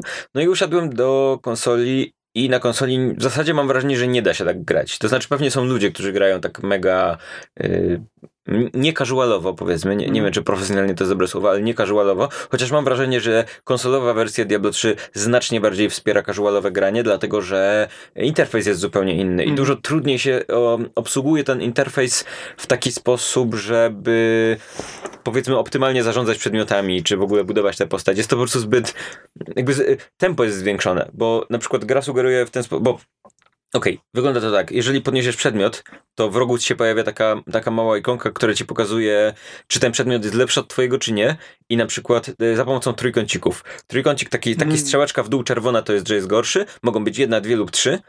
E, W górę, no to, że jest lepszy. I po, podzielone to jest na trzy statystyki. Atak, obrona i mm, te podstawowe, czyli obrażenia... podstawowej wersji, Tak, tak? obrażenia, obrona i odporność, tak? Czyli jakby obrona to jest to, ile możesz dostać, odporność to jest to, jak długo możesz to dostawać. Czyli jeżeli masz niewielką obronę, ale dużą odporność, Czy, a to nie, nie, a to, to nie jest recovery, że... nie pamiętam jak to się nazywa, to jest To recovery że- i... Recovery, że w sensie jak szybko odzyskujesz jakby tam surowce, Tak, ale to jest jakby- tak, tak, e, mhm. obronę i tak dalej, Tak, a że i- obrona to jest po prostu ile jesteś w stanie wytrzymać. Tak, tak. Jeżeli jesteś mocno opancerzony, to możesz mieć w gruncie rzeczy dość niewiele życia, no bo jakby dostajesz mniejsze obrażenia, ale jeżeli jesteś słabo opancerzony, ale masz za to bardzo duże te recovery, no to możesz, no nieważne, w każdym razie, więc dostajesz na przykład, o ten przedmiot ci daje plus 3 druigo- zielone trójkąciki do ataku, ale jeden mniej do obrony, ale za to do recovery tam jeden zielony, więc y, jednym kliknięciem stwierdzasz, ok, zakładam ten przedmiot i nawet nie sprawdzasz, co to jest za przedmiot, jakie Mhm. to konkretnie ma statystyki. Możesz to zrobić, ale żeby to zrobić, musisz wejść do menu, wy- znaleźć ten przedmiot i to jest na konsoli upierdliwe, zwłaszcza, że mm, myślę, że bardzo dużo ludzi kupuje konsolowe Diablo 3, żeby grać y, na kanapie z kimś. No tak. Można grać do czterech graczy i w momencie, w którym grasz w trzy, trzy albo cztery osoby i ktoś w pewnym momencie powie, słuchaj, y, słuchajcie, jak chcę przejrzeć swój ekwipunek, Mhm. No tak. Nie, nie, jakby to jest bardzo upierdliwe, więc jedyny sposób, żeby to ogarnąć, żeby nie zabić się nawzajem, bo ktoś grzebie w ekwipunku, Mhm. to jest po prostu zrobienie sobie takiego flow, że że jak ten, ta ikonka ci się pojawia, to albo klikasz y, tam, jakby niezależnie od grania, klikasz sobie, ok, zakładam ten przedmiot, albo ok, ten jest gorszy, więc go sobie klikam, możesz sobie oznaczyć go do zniszczenia, więc potem Mhm. tylko idziesz i klikasz zniszcz wszystkie, które sobie oznaczyłem, mm, więc to wtedy bardzo przyspiesza. Mm, I tak samo, więc jakby ten pacing jest w co innego wsadzony, bo ubieranie się po prostu w zasadzie nie patrzysz na przedmiot, tylko po prostu ubierasz to leci. Po drugie, gra została trochę przyspieszona, bo na przykład wprowadzono turlanie się. Możesz się turlać w tej grze. Mm, Masz, jeżeli przesuniesz tam, żebym ja się nie pomylił, lewym drążkiem y, chodzisz postacią, ale jak prawym drążkiem, jak przesuniesz gdzieś, to, to się turlasz w tym kierunku. Okay. Więc możesz, więc jakby to wprowadza ci do gry uniki. Jeżeli ktoś gdzieś nie strzela, Mhm. to możesz się przeturlać w ostatniej chwili, więc to jakby zwiększa dynamikę. Mm, I no i też interfejs jest mm, no, wprowadzony w ten sposób, żeby musi być zmniejszony, dlatego że musi działać, jeżeli czterech graczy gra. Więc wtedy każdy z nich ma w rogu taką, taką małą przestrzeń, gdzie widzi swoje zasoby, swoją kulkę życia, swoje malutkie ikonki swoich umiejętności, ale bez żadnych dodatkowych szczegółów. Jeżeli się wyświetlają ikonki buffów czy debuffów, no to w zasadzie nie jesteś w stanie chyba sprawdzić w ogóle co one oznaczają, tylko po prostu musisz wiedzieć, co ta ikonka znaczy, albo nie, nie, nie pamiętam dokładnie. No i więc jakby wydaje się, że to jest niby ta sama gra, bo w zasadzie nic się nie zmieniło. Ta sama gra, te same skille, te same mechaniki i tak dalej, i tak dalej, ale z powodu drobnych zmian na konsoli ona jest znacznie bardziej casualowa, ze znacznie Mhm. większym tempem, ale jednocześnie bardzo fajnie się gra właśnie, jeżeli macie z kim grać. Bo wydaje mi się, że jeżeli ktoś miałby grać solo na konsoli, to to nie ma żadnego sensu. Kupcie sobie wersję na PC i po prostu tam grajcie, bo znacznie lepiej się gra w tę grę. Ale jeżeli potrzebujecie y, na luzie sobie pograć, powalić do potworów, siedząc na kanapie ze znajomymi, na padzie, no to... bardziej imprezowa gra, Tak, tak? to, to gra się super. Mimo, że wydaje się, że to jest ta sama gra, to przez te zmiany ona znacznie bardziej się wydaje taką właśnie fajną imprezową do, jak, do popykania. Jak grasz tak w cztery osoby na kanapie, to w sensie jakby zastanawiam się, że jakbyś na przykład chciał właśnie to traktować jako taką imprezową grę, że grasz po prostu jak tam przychodzą ci, przychodzi ci tam parę Mhm. jakichś jacyś goście i, e, i sobie gracie, to czy jakby bo zakładam, że wtedy te postaci jakby jakby masz jedną postać i musisz jakby grać tymi samymi czterema postaciami, żeby nie musieć grać od początku tych samych poziomów. Tylko, że po prostu jakby masz stworzone cztery postaci i ewentualnie po prostu jak przychodzą goście, niezależnie od tego, czy to byli ci, z którymi grałeś poprzednio tymi czterema postaciami, to po prostu gracie tymi czterema postaciami. Się Zastanawiam, jakby to w ten...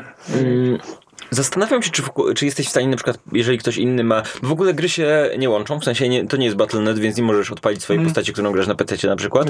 Mm, I zastana... Chyba po prostu jest tak samo jak w wersji PC-owej. W sensie jesteś teoretycznie w stanie stworzyć postać na pierwszym levelu i kogoś przeciągnąć, czy tam coś takiego zrobić. No ale wydaje mi się, że to jest takie coś, że raczej się odpala, albo masz już, nie wiem, wbite postaci i po prostu Mhm. odpalasz tymi już gotowymi, albo... Znaczy to z reguły też wiesz, no no, jeżeli macie, y, nie wiem, żonę, dziewczynę, chłopaka, cokolwiek, to po prostu kupcie sobie i grajcie we dwójkę, albo, albo z jakimiś znajomymi. Myślę, że to jest... Mm, możecie też grać online, czyli wiesz, dwie osoby i, i dwie osoby w innym i w czwórkę grać przez Battle.net, Mhm. czy tam przez PlayStation Network, cokolwiek. Więc gra się w to bardzo przyjemnie. Przy tym, im więcej graczy, tym większy chaos. Znaczy w jednym miejscu. Dlatego, że po pierwsze jest tak, że jeżeli grasz samemu, to twoja postać jest zawsze wycentrowana, jest na środku. Jeżeli grasz w dwie osoby, no to to kamera z, łapie gdzieś środek mniej więcej pomiędzy tymi postaciami, więc, Mhm. więc, więc twoja, twoje postaci, postaci wtedy są oznaczone kolorkami, takim kółeczkiem dookoła, więc widzisz, która postać jest która, ale nie jest to aż takie proste, zwłaszcza jeżeli, a jak masz cztery postaci, to w ogóle jest bardzo duża szansa i to mi się to zdarza regularnie, że gdzieś mi wzrok się przesunął, czy gdzieś postać przeszła obok drugiej i na przykład śledzę zupełnie inną postać wzrokiem, którą nie, nie ja gram i dopiero po chwili się orientujesz, że ta postać nie robi tego, co ja chcę, a czasem jest tak, że po prostu stoisz, nawalasz jakimiś czarami Hmm. i, i się po prostu wszystko świeci naokoło i nagle, aha, to nie, to nie moja postać, gdzie, moment, gdzie ja jestem w tej grze? Mhm. Mm, zwłaszcza też problem pojawia się, to znaczy, y, powiem tak, jeżeli macie zacząć y, grać od początku, to lepiej sobie wybrać jakąś postać, która walczy w zwarciu, bo i, zwłaszcza grając na jednym ekranie w kilka osób, jeżeli macie nie tylko śledzić swoją postać, ale jeszcze jakimś cudem celować do tych wszystkich przeciwników i, i ogarniać to wszystko, to robi się naprawdę duży chaos, zwłaszcza jak się gra, mówię, w 3-4 osoby, to Naprawdę można się regularnie mylić, a postać y, jakby walcząca, walcząca w zwarciu jest taka dość ym, jakby no, jest, śledzisz tylko jeden, w zasadzie swoją postać. Przy tym znowu, jeżeli masz postaci, y, dobrze jest też, jeżeli się gra w kilka osób, dobrze jest też y, wybrać postaci, które mają powiedzmy podobny styl, bo jeżeli sobie wybierzesz na przykład, jedna osoba gra, stwierdzi, że gra barbarzyńcą, który no, jakby walczy w zwarciu Mhm. non-stop i im więcej dostaje, tym więcej oddaje, a druga postać sobie stwierdzi, że gra Demon Hunterem, który jest taką postacią, która jest papierowa, ale więc musi się trzymać na odległość, to nagle się okaże, że macie kompletnie inne priorytety, bo jeden chce się jak najszybciej zbliżyć do tych przeciwników, a drugi chce być jak najdalej od nich, więc w tym momencie zaczyna się robić tak, że nie jesteście w stanie grać, tak? Że, że mm, jeden z graczy, no bo e, barbarzyńca ma szereg umiejętności, które ułatwiają e, walkę w zwarciu pod tytułem skok przez pół pół ekranu po to, żeby doskoczyć do przeciwnika szybko, więc on doskakuje szybko, a druga postać gdzieś, znaczy drugi gracz gdzieś jego postać zostaje poza ekranem. I tutaj oczywiście gra ma pewne mechaniki. Po pierwsze, kamera się potrafi oddalić, po drugie, czasem postać po prostu pobiega, po, podbiega, żeby się mieścić w kadrze, jeżeli jest nieaktywna. To znaczy, jeżeli, jeden, A, jeżeli jedna osoba się rusza, a druga stoi, no to y, nawet nie, nie, mm, nie, że jest kompletnie nieaktywna, tylko możesz strzelać na przykład i Mhm. nagle twoja postać zaczyna biec w kierunku mm, albo w ogóle się teleportuje do drugiej postaci, jeżeli się za bardzo, zbyt szybko za bardzo oddali, więc faktycznie warto zrobić tak, że, że, że decydujecie na przykład, że wszystkie postaci walczą w zwarciu. W ogóle y, walka w zwarciu jest w tej wersji konsolowej znacznie bardziej, łatwiej się gra w ten sposób. No tak. No bo... No bo musisz celować i tak, tak nie dalej. musisz celować, nie musisz skupiać się nad tym, żeby. Jeżeli masz, nie wiem, trzy osoby, które wszystkie walczą na odległość i każda próbuje się oddalić od przeciwników, to musicie ustalić, w którym kierunku się oddalacie, bo jak nie, to zaczniecie odbiegać wszyscy na różne strony, nie, żeby tam znaleźć sobie miejsce. E, Ale e, jeżeli o to chodzi, to wydaje mi się, że. Jeżeli macie konsolę i, i macie takie okazje, że przychodzą do was znajomi i chcecie sobie pograć y, w taką gierkę, żeby usiąść, otworzyć piwo, Mhm. y, y, na czosy czy Nie cokolwiek, wymagała za i, dużo. I być w stanie trochę się pośmiać, trochę pogadać, nie, nie wymagało za dużo intelektu, ale fajnie walczyć z potworami i to, to wydaje mi się, że Diablo jest naprawdę taką... Mówię, y, lep, raczej do kupienia, mówię, używkę albo w jakimś empiku, ale, bo coś takiego, a nie ten, to prawie 300 zł za grę sprzed paru lat, dlatego, No że tak. dodali do niej mm, DLC ostatnio, bo to jest e, absurdalne, ale jeżeli będziecie mieli okazję w, okazję w empiku kupić jakąś używkę, to naprawdę, Mhm. e, naprawdę jest super. W Empiku sprzedają używki? Tak, tak, w Empiku jest w ogóle tak, że możesz przynieść grę. Czy ja kiedyś widziałem, tylko że już od dawna Tak, w ogóle używki w. Empiku, w Empikach są naprawdę super, A. bo, bo no oni jakby sprawdzają, czy ta gra działa, a możesz też oddać swoją grę i w zamian za to dostać jakiś tam bon na kupno kolejnych. Wiem, że to było. Ja mam wrażenie, że w takim razie z Warszawy musieli to wycofać, bo kiedyś, kiedyś były jakby półki z używkami w Empiku, a teraz nie ma. Nie, No wiem, nie wiem. są tylko w Poznaniu. Nie wiem, ja może, może w Po- Poznań to takie miałem. W Poznaniu i w Krakowie, w najbar- dwóch najbardziej, wiesz, ten. E, słuchajcie, bo ja mam jeszcze drugą grę. Czy mam mówić od razu, czy będziemy robić jakieś kółeczko, czy coś tam? Może teraz Krzyś, bo ja też tam Tak. mam jeszcze o czym mówić. Jakby co. E, ja grałem e, najpierw o drobiażdżku. E, Przypadkiem dowiedziałem się, że e, Randall Munro, autor komiksu internetowego XKCD, e, zorganizował sobie swój własny game jam, którego tematem było hej, macie trzy dni, zróbcie gry inspirowane dowolnym z moich pasków komiksowych. I ludzie mu przysłali różne takie gierki, wszystkie są w internecie i są podobnie jak sam komiks, który uwielbiam, te gry są albo bardzo zabawne, albo nie do końca je rozumiem, ale też mają swój urok. I moją absolutnie ulubioną jest e, XKCD Frogger. To jest Frogger z pewnym twistem. Nie mogę powiedzieć jaki jest, bo na tym opiera się cały dowcip i to jest gra w ogóle na 5 sekund, e, ale byłem zachwycony. Także znajdźcie sobie w internecie.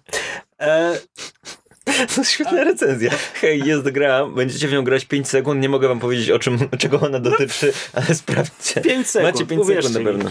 E, Natomiast e, parę tygodni temu s, na Steamie była e, nie promocja, tylko można było zagrać w Endless Space 2 za darmo przez tam, nie wiem, 4 dni w okolicy weekendu, e, więc przetestowałem tę grę. To jest e, Amplitude Studios. Oni wcześniej zrobili Endless Space 1, jak można się domyślać, a także Endless Legend i Dungeon of the Endless. I z tych wszystkich ja grałem w Endless Legend, które było strategią typu tam 4X, e, turowa, coś pomiędzy e, cywilizacją i Heroesami, bo zasadniczo cywilizacja, ale sam bud... znaczy tfu. Zasadniczo cywilizacja, tak jak w cywilizacji sam budujesz miasta, ale tak jak w Heroesach dość istotne znaczenie mają herosi, których tam masz, plus do tego było mnóstwo zmian dodanych do tej formuły i to takich, które sprawiły, że ta gra była bardzo ciekawa. Na przykład jednym, jednym z moich ulubionych e, patentów było to, że e, każda mapa jest podzielona na regiony i w każdym regionie może być tylko jedno miasto. Więc tak, budujesz sobie miasta, ale nagle to, gdzie one się znajdą, ma dużo większe znaczenie, no bo nie możesz ich po prostu sobie naciukać wszędzie. E, I to, I to po prostu bardzo dużo zmienia dla, dla tempa rozgrywki, dla tego, jak kształtuje się mapa, jak wchodzisz w konflikt z innymi cywilizacjami. To było super. Plus tam, tam były jeszcze dopisane, dopisane jakieś questy osobne dla każdej, dla każdej rasy, którą możesz grać. Tam jest tam spora warstwa fabularna, która nie jest jakaś spektakularnie ciekawa, ale wprowadza taki. To są gry, które mają swój specyficzny klimat. Więc, ponieważ polubiłem Endless Legend, e, nie chciałem się cofać do Endless Space 1, ale śledziłem z uwagą Endless Space 2 i muszę powiedzieć, że trochę się rozczarowałem, bo to jest znowu typowa strategia 4X kosmiczna, w sensie zaczynasz na planecie i masz jakąś małą flotę i potem rozlewasz się swoim kolorem po mapie galaktyki, zajmujesz kolejne systemy i tak dalej. E, zarówno w Endless Legend, jak i w Endless Space e, bardzo dużą zaletą tych gier jest to, że te rasy są niewiarygodnie zróżnicowane. To znaczy, nie wiem, w Endless Legend grałem pacyfistycznymi smokami, które mają bonusy do dyplomacji, ale można tam też grać, nie wiem, jakimiś zżerającymi wszystko insektami, które po prostu nie mają opcji dyplomatycznych. One, one mogą tylko zerze, zerżeć wszystkich swoich przeciwników i nic poza tym. E, byli tam jacyś e, wełdrowni handlarze, których miasta są na grzbietach wielkich żuków i te żuki po prostu mogą się podnieść z ziemi i przenieść i tak dalej. Każda rasa miała jakiś swój taki twist, który bardzo wpływał na, na rozgrywkę. No i w Endless Space 2 jest podobnie i chyba pierwszy błąd popełniłem wybierając rasę, bo pierwsze podejście zrobiłem grając jakimiś takimi stereotypowymi małymi szarymi ufokami, e, które na papierze w warstwie fabularnej są zabawne, bo one, one e, napełza je chęć odkrywania nowych wynalazków, nowych rzeczy, przełomy technologiczne i tak dalej, ale nie bardzo obchodzą ich konsekwencje, więc tam jest powiedziane, że tam kiedyś przez przypadek wysadzili swój księżyc w ramach jakiegoś eksperymentu i tak dalej. Mhm. I to jest zabawne. Ale na rozgrywkę to się przekłada tak, że tam jest jakiś bonus do wynajdywania nowych technologii. To, to, to tyle, to, to jest Mhm. nic. Więc pograłem w tym y, jeden wieczór szarakami, stwierdziłem, dobra, nie, to jest nudne i zacząłem drugi raz kosmicznymi entami. Oni nazywają się jakoś inaczej, ale to są enty, Mhm. tylko robią kosmiczny podbój. E, ich twist polega na tym, że żeby skolonizować jakiś nowy system, one muszą najpierw się tam ukorzenić. To znaczy mają specjalne statko pnącza, które lecą do systemu i tam siedzą przez 20 tur e, i takie kosmiczne pełdy wypuszczasz przez puszczkę kosmosu i jak te pełdy oplotą nowy system, to wtedy po prostu wystarczy jedno kliknięcie i bum, ta planeta już jest twoja, już nie musisz jej kolonizować. A co jest, okej, to, to jest ciekawe. To już sprawia, że entami gra się w jakiś charakterystyczny sposób. Jeszcze te kosmiczne pełdy musisz uważać na to, żeby stworzyć z nich siatkę, bo jak to są tylko takie długie, cienkie nitki, na które nanizasz kolejne systemy, jak stracisz któryś z nich, to te, które przestają być połączone z kosmicznym drzewem, natychmiast je tracisz. Więc musisz tkać sieć, żeby tam utrata jednego systemu nie, nie kosztowała cię połowy całego imperium. I to już było całkiem fajne.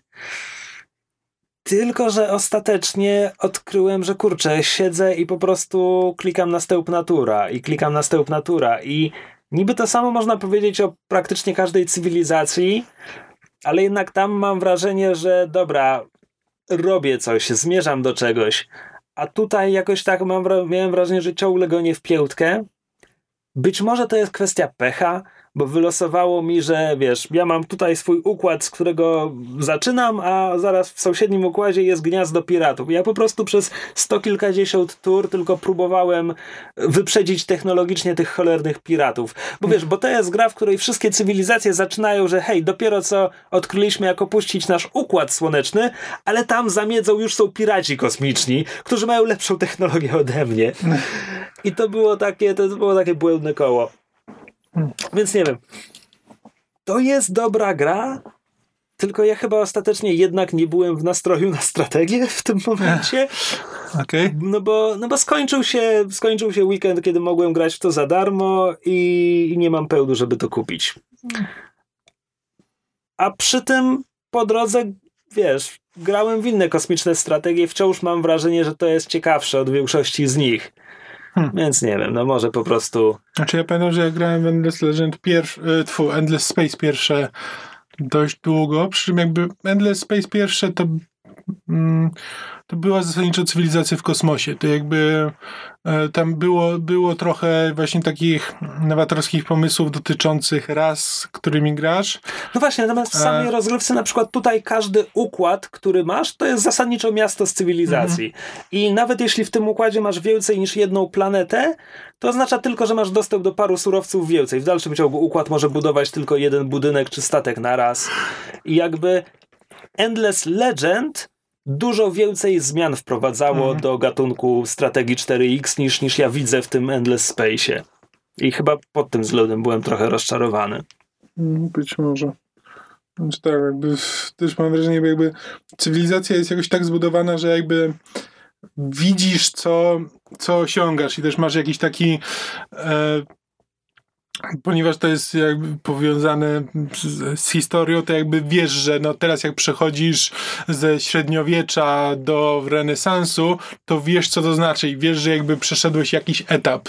Natomiast w kosmosie, Tak, no to po prostu sam że sobie wchodzisz na drugi poziom technologiczny, Tak. to nic nie znaczy. Dokładnie. Plus jeszcze w Endless Legend jakoś ci bohaterowie, fakty, jasne, on sobie zwiedza mapę tak jak zwiadowca w cywilizacji, ale przy okazji tam są jakieś questy, możesz eksplorować jakieś ruiny, coś z tego masz, a tutaj masz tego Herosa, który ma swój stateczek, tylko że zasadniczo on mógłby być po prostu stateczkiem zwiadowczym i, i jakby miałby taki sam wpływ na rozgrywkę. Ha, to dziwne.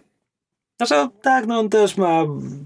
Tam niby są jakieś. Nie wiem, no po prostu Endless Legend chwyciło mnie dużo bardziej niż, niż Mhm. Endless Space 2. Dobra, to jedno kółeczko zatoczyliśmy. Kamil. E, to może zacząłem grać w Cupheada już jakiś czas temu. Znaczy, to jest gra, którą kupiłem tylko i wyłącznie dlatego, że tak bardzo mi się podoba. Em, W sensie grafika. Grafika, tak. E, przy czym no, nie byłem przekonany co do, co do tego, czy, czy rzeczywiście bym zostanę z tą grą. Dłużej? ja sobie ją obejrzałem na YouTubie, w sensie pooglądałem walki z tymi bossami, popodziwiałem animacje, posłuchałem muzyki i mam teraz poczucie, że absolutnie nie muszę tego kupować. Znaczy, być może tak. Znaczy, ja, mi się to przynajmniej grało. Znaczy, w ogóle, czym jest Cuphead? Cuphead to jest e, z, side-scrollingowa zręcznościówka, w sensie po prostu z, tak jak, nie wiem, Mario czy cokolwiek innego. E, tylko, że jest trudna. No, nie chcę tutaj używać, że to jest Dark Souls zręcz, zręcznościówek, ale, ale no tak, mniej więcej. E, bo f, tylko, że to wygląda tak, że mamy e, podstawowy poziom to jest mapa, którą widzimy z góry i po prostu chodzimy tym małym ludkiem, małym cupheadem e, i jakby chodzimy od poziomu do poziomu i po prostu na mapie wybieramy poziomy. I no jak wybierzemy poziom, no to przenosi nas i tu się zaczyna ta zręcznościówka. E, No i zręcznościówka polega na tym, że biegamy po mapie, strz- strzelamy z palca, znaczy po prostu w ten bohater robi takie pistolety z palców i wystrzeliwuje z nich pociski. E, tam masz jeszcze ewentualnie tam dodatkowe e, ciosy specjalne, które tam się ładują przez, przez dłuższy czas i e, musisz je strategicznie wykorzystać. No i zazwyczaj najpierw, e, najpierw przechodzisz jakiś tam etap e, taki zręcznościówkowy i to może być albo taki e, albo taka typowa zręcznościówka, albo e, w, albo w samolocie, znaczy tam w statku jakimś, że po prostu lecisz, lecisz jakimś statkiem góra-dół i wylatują na ciebie z prawej strony ekranu, na lewo wylatują wrogowie, których próbujesz zestrzelić. I zawsze na koniec poziomu jest boss, bo to jakby ta gra się obraca wokół, e, wokół bossów. Jakby wszystko inne, jeśli, jeśli czasami w ogóle nie ma tego, e, tego początkowego etapu, gdzie po prostu strzelasz do masy, masy pomniejszych stworków, e, tylko czasami po prostu zaczynasz od razu od walki z bossem i te walki są zazwyczaj wieloetapowe. Tylko, że no to jest wszystko stylizowane na kreskówkę z lat 30. i to jest stylizowane tak, że absolutnie byłaby cię w stanie oszukać. Znaczy, gdyby, gdyby wykorzystując tę grafikę ktoś po prostu zrobił jakiś tam fragment taki, który by wyglądał na popularyzowany, no to byś po prostu uznał, że no to jest no to jest po prostu ręczna animacja. Znaczy, to jest ręczna animacja, tylko że wszystko jest, wszystko jest ręcznie zanimowane, ale w, um, przełożone, przełożone na grę. I wygląda niesamowicie, jakby design tych bossów jest, e, jest fantastyczny i też e, samo to poczucie, jakby, znaczy tak jak mówię, że można, można obejrzeć na YouTubie i to jakby wystarczy, ale jednak jest w tym coś, że ty kontrolujesz tę kreskówkę, jakby to i wiesz, że to wygląda jakby było rysowane ręcznie, ale jesteś w stanie to kontrolować. Jest w tym, w tym poczuciu jednak jakiś taki dodatkowy, e, dodatkowy efekt, który, który to polepsza te doznania. Za przeproszeniem. E, I w, no tylko te. Ja przeszedłem pierwszy świat. To gra się chyba składa z trzech albo czterech światów. E, ja przyszedłem pierwszy i na początku drugiego stwierdziłem, że jakby już, już tym pierwszym są trudni bossowie i trzeba do nich podchodzić wiele razy. I jakby podchodziłem i za którymś razem się udawało, jakby yy, przywołałem, przywołałem w sobie to, co mi pozwoliło przejść Bla, Bladborna yy, i, i, i przeszedłem pierwszy świat, a po czym doszedłem do drugiego i stwierdziłem, że jednak mi się nie chce. Znaczy, przechodzenie, jakby to już się robi trudniejsze.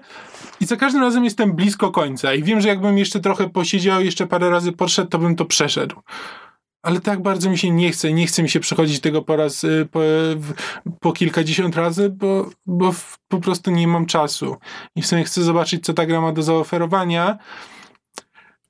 I ta, ta gra ma tryb y, prosty, w sensie, że ma, to się nazywa po prostu chyba Simple Mode, w którym po prostu jest łatwiej, ale cholera coś mi nie pozwala go włączyć. Znaczy, że jeśli już mam grać w tę grę, to mam wrażenie, że powinienem w nią grać na tym, na tym normalnym poziomie trudności, który jest trudnym poziomem trudności. E, ale to jest kwestia, to jest kwestia mojej psychiki. No jakby nie jest ten. Chciałbym po prostu zobaczyć, co ta gra ma do zaoferowania, ale jakoś tak nie chcę, nie chcę po prostu przeskoczyć, przeskoczyć tego jak najszybciej.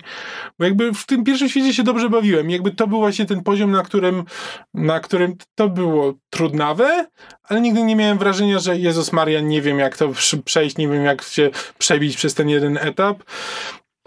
E, I to po prostu to była kwestia tam przejścia jednej walki tam, nie wiem, z pięć razy, może do dziesięciu, jeśli to było trudne. No a potem po dziesięciu to dopiero zaczynałem się uczyć, okej, okay, dobra, w tym pierwszym etapie to tak wygląda i teraz już jestem w stanie przejść pierwszy etap tej walki z bossem. E, a potem jeszcze drugi i trzeci to jest y, dwa razy tyle roboty. I tak, tak tro, trochę, trochę, się od, trochę się od tego odbiłem ostatecznie ale cholera, to jest takie śliczne, naprawdę. To jest, dawno, dawno nie widziałem czegoś, co by zrobiło na mnie takie wrażenie pod kątem grafiki. Szczególnie, że ja zazwyczaj nie zwracam na to szczególnej uwagi. Znaczy nie, nie jakby, nie pamiętam, która, o, Wiesz, o której grze ostatnio mogę powiedzieć, że Jak ojejku, się mówi, że grafika robi wrażenie, to zazwyczaj chodzi o to, że ma, nie wiem, mnóstwo poligonów i pikseli, a tutaj mm. po prostu sama koncepcja tego, mm, tak, tak, a jeszcze wykonanie. Tego, tak, że po prostu to jest stylizowane ładnie, nawet nie, to nie chodzi o to, że tam grafika, że jakiś technicznie to jest zaawansowane, tylko po prostu jest stylowe i tyle. Dalej, tak? Tak, w kółeczko, w kółeczko. Yy, ja yy, sięgam jeszcze dalej, jeżeli chodzi o gry, bo ostatnio stwierdziłem, że yy, w trakcie moich y, poszukiwań tajkuna idealnego, współczesnego, stwierdziłem, że nie znajdę czegoś, co by mi pasowało i sięgnąłem po Airline Tycoon z powrotem. Mm. Wy macie doświadczenie z Airline'em? Bo to była jedna z gier mojego dzieciństwa. E, ja nie. U mnie też, ja w to grałem wielokrotnie. Airline Tycoon jest o tyle, że jest o tyle specyficzny, że to jest to jest gra ekonomiczna, ale która nie wygląda jak gra ekonomiczna. Mm. To znaczy, jak nazwa wskazuje, kierujemy linią lotniczą w tej grze i cały interfejs polega na tym, że mamy lotnisko, widziane z boku, rysunkowe, takie bardzo, bardzo e, śliczna tak. kreskówkowa grafika z bardzo przerysowanymi postaciami i jako jedna z czterech wybranych postaci, właściciel czterech różnych mm, linii lotniczych, którzy są absolutnie stereotypowi, bo mamy Rosys, Rosjanina, który jest po prostu takim najbardziej rosyjskim mafiozem, jaki może być. Mamy Włocha, który jest takim wiecznie uśmiechniętym, wąsatym Włochem. Mamy Niemca, który jest zawsze taki bardzo ułożony i, i ten. I mamy chyba Amerykankę. Nie wiem, nie, ja zawsze, gram, zawsze gram Niemcem.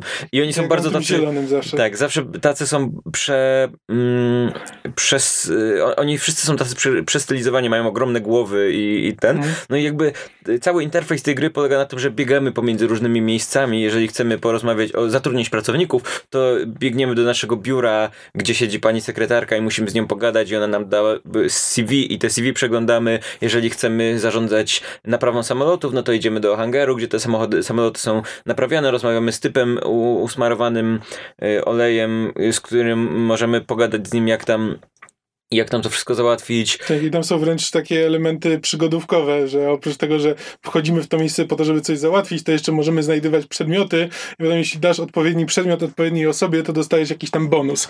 Tak, tak. Znaczy- Jest cała sieć różnych rzeczy, rzeczy takich powiedzmy w cudzysłowie sekretów, y, które właśnie polegają na tym, że jeżeli w odpowie- je, jeżeli w sklepie wisi podkowa, to jeżeli damy, znajdziemy jakiś tam przedmiot, który gdzieś tam się pojawia, jeżeli spędzimy odpowiednią ilość czasu w jakimś tam miejscu, to się pojawi, to się otworzy schowek i w tym z tego schowka wystaje stanik. Jeżeli damy ten stanik pani, która pracuje w sklepie, gdzie ta podkowa wisi, to ona powie, a zgubiłam go, nie wiedziałem gdzie jest i da ci tą podkowę. Znaczy da, umożliwi ci wzięcie jej. To brzmi absurdalnie. No to, to wszystko, cała ta gra jest bardzo z, z dużym przymrużeniem oka. No jakby To jest niemiecka gra przede wszystkim. Te, tak, tak, i, i z, mająca parę lat, nie? I, I ta podkowa potem możemy ją zanieść komuś, kto wierzy w szczęście i on wtedy nam powie, a to ja ci coś tam załatwię. Te bonusy czasem są bardziej, czasem mniej potrzebne. Mm. Ale, no bo na przykład bonusem dla, z tego co pamiętam w hangarze jest możliwość tego, żeby twoimi samolotami zajmowała się jakaś tam y, pani Krysia sprzątaczka, która by, weźmie za to bardzo mało pieniędzy, ale z tego co pamiętam zrobi to też bardzo słabo, więc w sumie to jest żaden bonus. Mm, ale na przykład inny. I w ogóle ta gra widać, że, że są tam elementy, które dziś by nie przeszły. To znaczy, mm, y, jest koleś, który jest Petrol Air, taki, takie stoisko, gdzie są goście, którzy zajmują się handlem olejem, bo możesz y, y, benzyną do, samochod- do samolotów. Dlaczego ja mówię samochodów cały czas? Czy tam czymkolwiek się mm, napędza te pojazdy. Mm, I pracuje tam pan Arab, który jak mu dasz odpowiedni przedmiot, to mówi, pst, pst, że na zapleczu możesz sobie zamówić zamach terrorystyczny.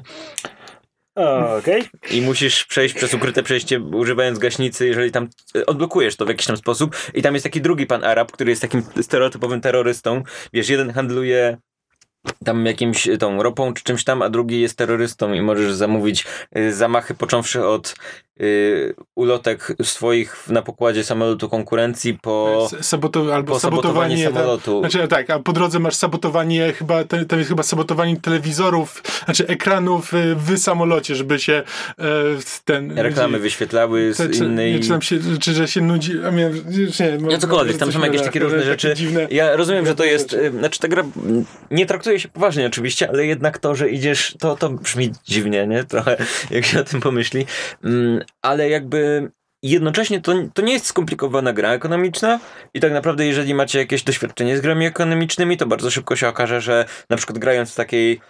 Ja mam na tyle doświadczenie z tego typu grami i na tyle doświadczenie z tą konkretną grą, że jeżeli otworzę taki tryb, gdzie po prostu sobie prowadzisz tą linię lotniczą bez żadnych konkretnych celów, to w ciągu godziny wykupuję całą konkurencję po prostu, bo, bo wiem jak to w cudzysłowie eksploitować, wiem co się najbardziej opłaca i to nie jest skomplikowane. To jest jednak gra nie powiedzmy dla odbiorcy, który jest doświadczony w grach ekonomicznych. Jednocześnie jest tryb, gdzie masz po prostu poziomy i tam masz konkretny cel do zrealizowania i on jest bardzo przyjemny, mm, no bo tam już jakby musisz się skupić na jednej rzeczy, która niekoniecznie jest najbardziej jakby innej niż po prostu zarabianie pieniędzy w tym tym.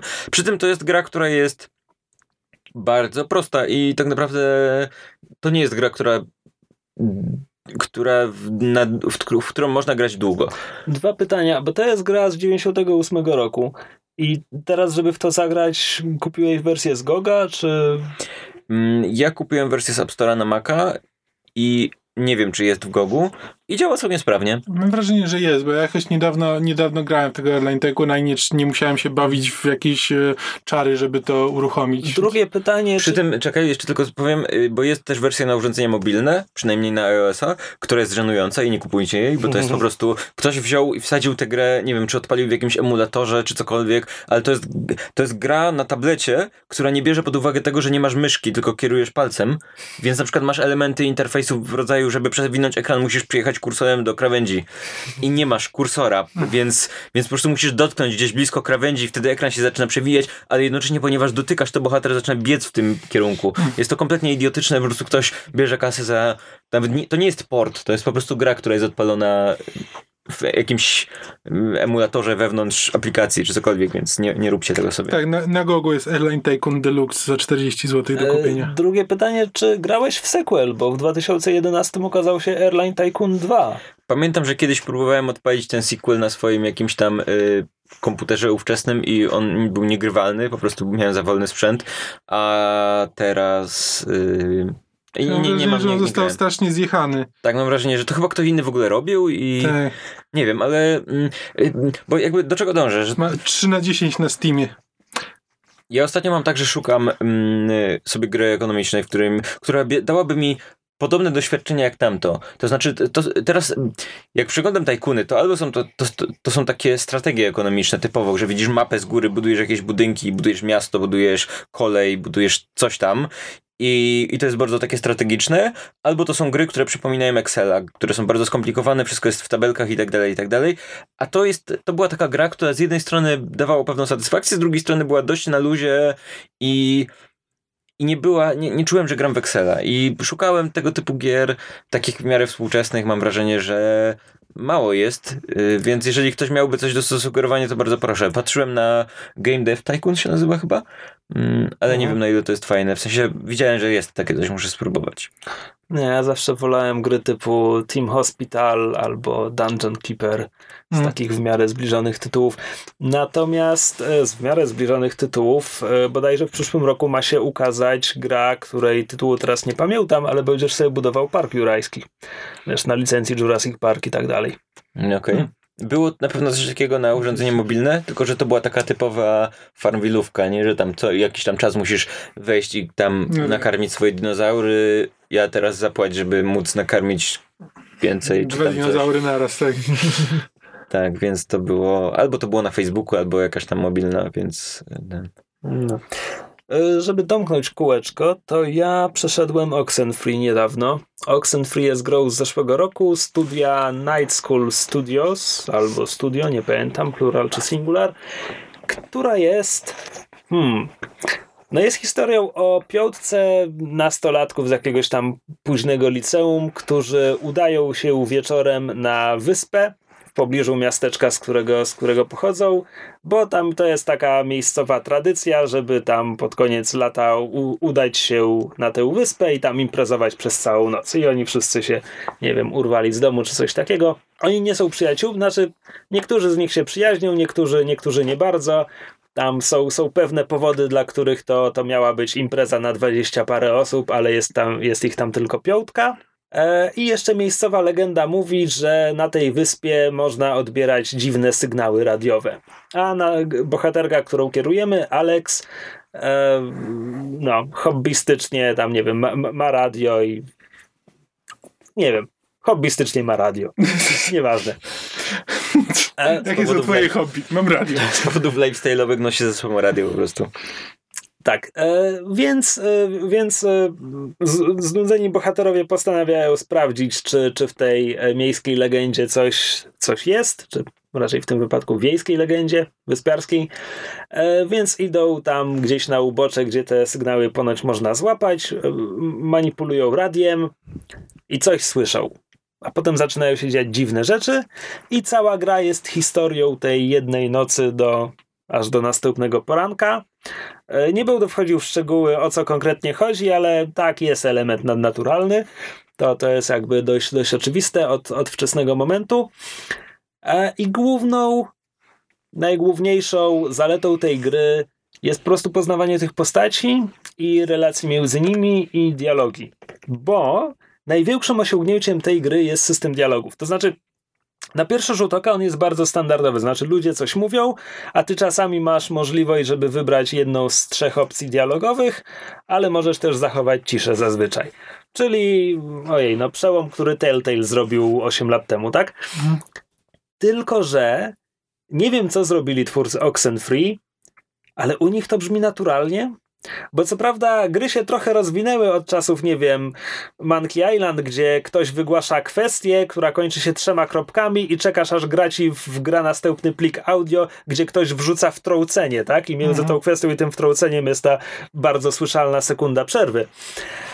Ale szczerze mówiąc, w bardzo wielu grach współcześnie wciąż to słyszysz? Mm. Ta przerwa jest po prostu dużo krótsza, ale ona wciąż tam że, że jest. rzadko tego nie słyszysz. Nie? Tak, właśnie. A w Oxenfree to jakoś płynie. E, to znaczy, ty wy- wybierając opcje dialogowe bardzo często wręcz przerywasz innym osobom. Jeśli, to, jeśli przerywasz dialog, który jest bardzo ważny z fabularnego punktu widzenia, to postać po prostu go podejmie, tylko tam wygłaszając trochę zmodyfikowaną kwestię na zasadzie em, tak jak mówiłem i podejmie wątek.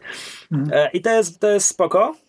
Jednocześnie, ponieważ to jest największa zaleta tej gry, to, to jednocześnie każda wada tego systemu teraz wybrzmiewa dużo bardziej znacząco, tak? No i wada jest taka, że ten cholerny system nie jest konsekwentny. To znaczy, kiedy masz do wyboru trzy opcje dialogowe, to klikając jedną z nich, czasami wtrącisz coś, przerwiesz komuś wypowiedź, a czasami Alex wypowie kwestię, którą wybrałeś dopiero, kiedy inna osoba przestanie mówić.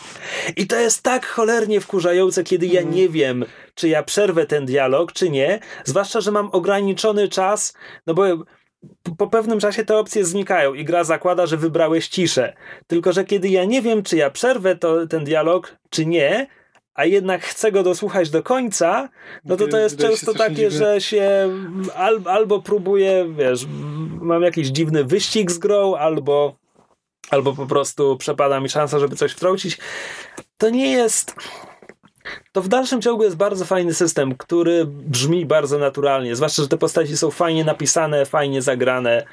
Eee, gdyby on tylko był konsekwentny, gdyby twórcy się zdecydowali na jedno albo drugie, albo zawsze przerywam, albo zawsze Alex czeka do końca wypowiedzi, bo w momencie, kiedy to jest albo, albo i nigdy nie wiesz, no właśnie, gdyby jeszcze dodali tam jakąś ikonkę yy, w momencie, kiedy przerwiesz, żeby ta opcja dialogowa była oznaczona, nie no wiem, Tak, wystarczyłoby jakąś czerwoną kropkę Tak, na zasadzie, że to dokładnie. jest przerwanie. Dokładnie. Więc to, to jest prosta rzecz, która jednak je trochę, trochę tu bruździ. E, więc to jest największa zaleta samej gry. A czym sama gra jest? A gdybym miał ją jakoś określić, to powiedziałbym, że to jest walking simulator, tylko side-scrollowy, bo, bo widzisz, zwiedzasz lokacje, które widzisz, masz rzut z boku, one są pięknie narysowane, to jest taki bardzo, bardzo kreskówkowy, karykaturalny styl. Bohaterowie, bohaterowie to są tak, takie maciupkie figurki, one mają może 2 cm na ekranie. Po prostu masz bardzo duży, o, masz, wszystko masz pokazane w ogólnym planie. E, a, a mimo to jakby utożsamiasz się z tymi bohaterami po prostu przez same dialogi. To jest, mówię, duże osiągnięcie tutaj scenariusza i tak dalej. E, I łazisz sobie po tej wyspie z punktu A do punktu B, bo czasami grać i powie, ok, teraz musimy pójść tam, co wiąże się z tym, że trzeba przejść pięć ekranów, a czasami trzeba coś zrobić, ale trzeba coś zrobić, to nie jest przygodówka. W sensie, gdybym miał wskazać gatunek, któremu tej grze jest najbliżej, tak, to będzie przygodówka, tylko, że nie ma, jeśli, jeśli jest manipulacja przedmiotami, to to nie jest tak, że masz ekwipunek i musisz użyć przedmiotu na czymś, tylko to jest, musisz pójść do punktu A i nacisnąć przycisk interakcji, to wtedy to się stanie. A teraz tak, po tych planszach poruszasz się po torach. To znaczy, to nie są dosłownie tory, szyny, ale są ścieżki narysowane i po prostu nie zejdziesz ze ścieżki. Ścieżki się ro, ro, ten no, rozdwajają czasami, więc e, możesz eksplorować. Tam są jakieś znajdźki do znalezienia, więc niektóre ścieżki są krytyczne, a niektóre są ślepe, albo na końcu znajdziesz znajdźkę. Szczerze mówiąc, To jest dość irytujące, zwłaszcza, że e, nie jesteś w stanie zmusić tych postaci, żeby biegły, więc przejście tych plansz czasami potrafi zająć sporo czasu, zwłaszcza jeśli musisz przejść z jednego końca wyspy na drugi. czy, czy jest taki ten, że jak przejdziesz e, do jakiejś tam planszy, to na przykład blokuje ci się już dostęp do tego, co, przy, co jest za tobą? Nie. Nie, okej, dobra. Nie, bo ja najczęściej nie, nie lubię takich, że wiem, że właśnie mam znajdźki gdzieś i chętnie poszukam tych znajdziek. Tylko, że nigdy nie wiem, czy ta droga to jest ta droga, w, w którym y, jakby dalej idzie misja, czy może w, powinienem pójść w drugą odnogę i tam będą znajdźki. Tylko, że jak pójdę tam, gdzie jest misja, to nagle się blokuje za Nie, mną niemal- e, ten Niemal progres. przez cały czas masz dostęp do niemal całej wyspy, nie licząc tych dwóch czy trzech e, plansz, które są zamknięte, bo ze względu na fabułę, bo brakuje ci klucza, Mhm. brakuje ci sposobu, żeby tam wejść, więc, więc na początku nie masz tam dostępu. Um, I mówię, poru- poruszanie się po tej wyspie byłoby cholernie irytujące, gdyby nie te dialogi, bo jakby one ci wypełniają ten czas. Mhm. W sensie przejście z jednego końca wyspy na drugi zajmie ci ładnych parę minut, ale w, czym, w, w tym czasie postaci będą ze sobą gadać, będą tam się działy rzeczy. E, gra wykorzystuje taki lekki telltale'owy system. E, Znaczy, przepraszam, czy tam możesz się jakby zaciąć w te, Nie. grając? Jakby Nie. zasadniczo wiesz zawsze do czego idziesz. Nie, po prostu zastanawiam się, czy może być tak, że zaczynasz chodzić po tej mapie w tej z powrotem i czy Nie, dialogi się nie. kończą. a, e, znaczy, ponieważ. E, po, Okej, wracając do systemu dialogów. E, ponieważ czasami nie wiem, czy, czy komuś nie przerwę, wybierając opcje dialogowe, zdarza się też, że jeśli klikasz na przedmioty otoczenia, to, to wy, wy- wywołuje mały dialog. Czasami gra się biesi i po prostu dwie rozmowy lecą naraz. U, Więc zdarzało się, że ja czekałem na początku planszy, aż postaci przestaną rozmawiać, Mhm. żeby potem iść w ciszy, ale żebym mógł wchodzić w interakcję z przedmiotami, bo wtedy miałem pewność, że nie rozwalę rozmowy. no tak. Więc znowu, to jest pewien problem, tak? E, natomiast e, nigdy nie, jakby nigdy nie błąkałem się po wyspie, bo nie wiedziałem, gdzie mam iść. Zawsze masz bardzo wyraźny cel. Mhm. Um, I co jeszcze? Chyba to wszystko. E, może tak, e, wspominałem, że jest element nadnaturalny. To jest bardzo nastrojowa gra, ale to jest taki nastrój bardziej niepokojący niż, że to jest horror, który będzie czymś straszył. E, więc przez to, przez to jest e, bardzo sympatyczna.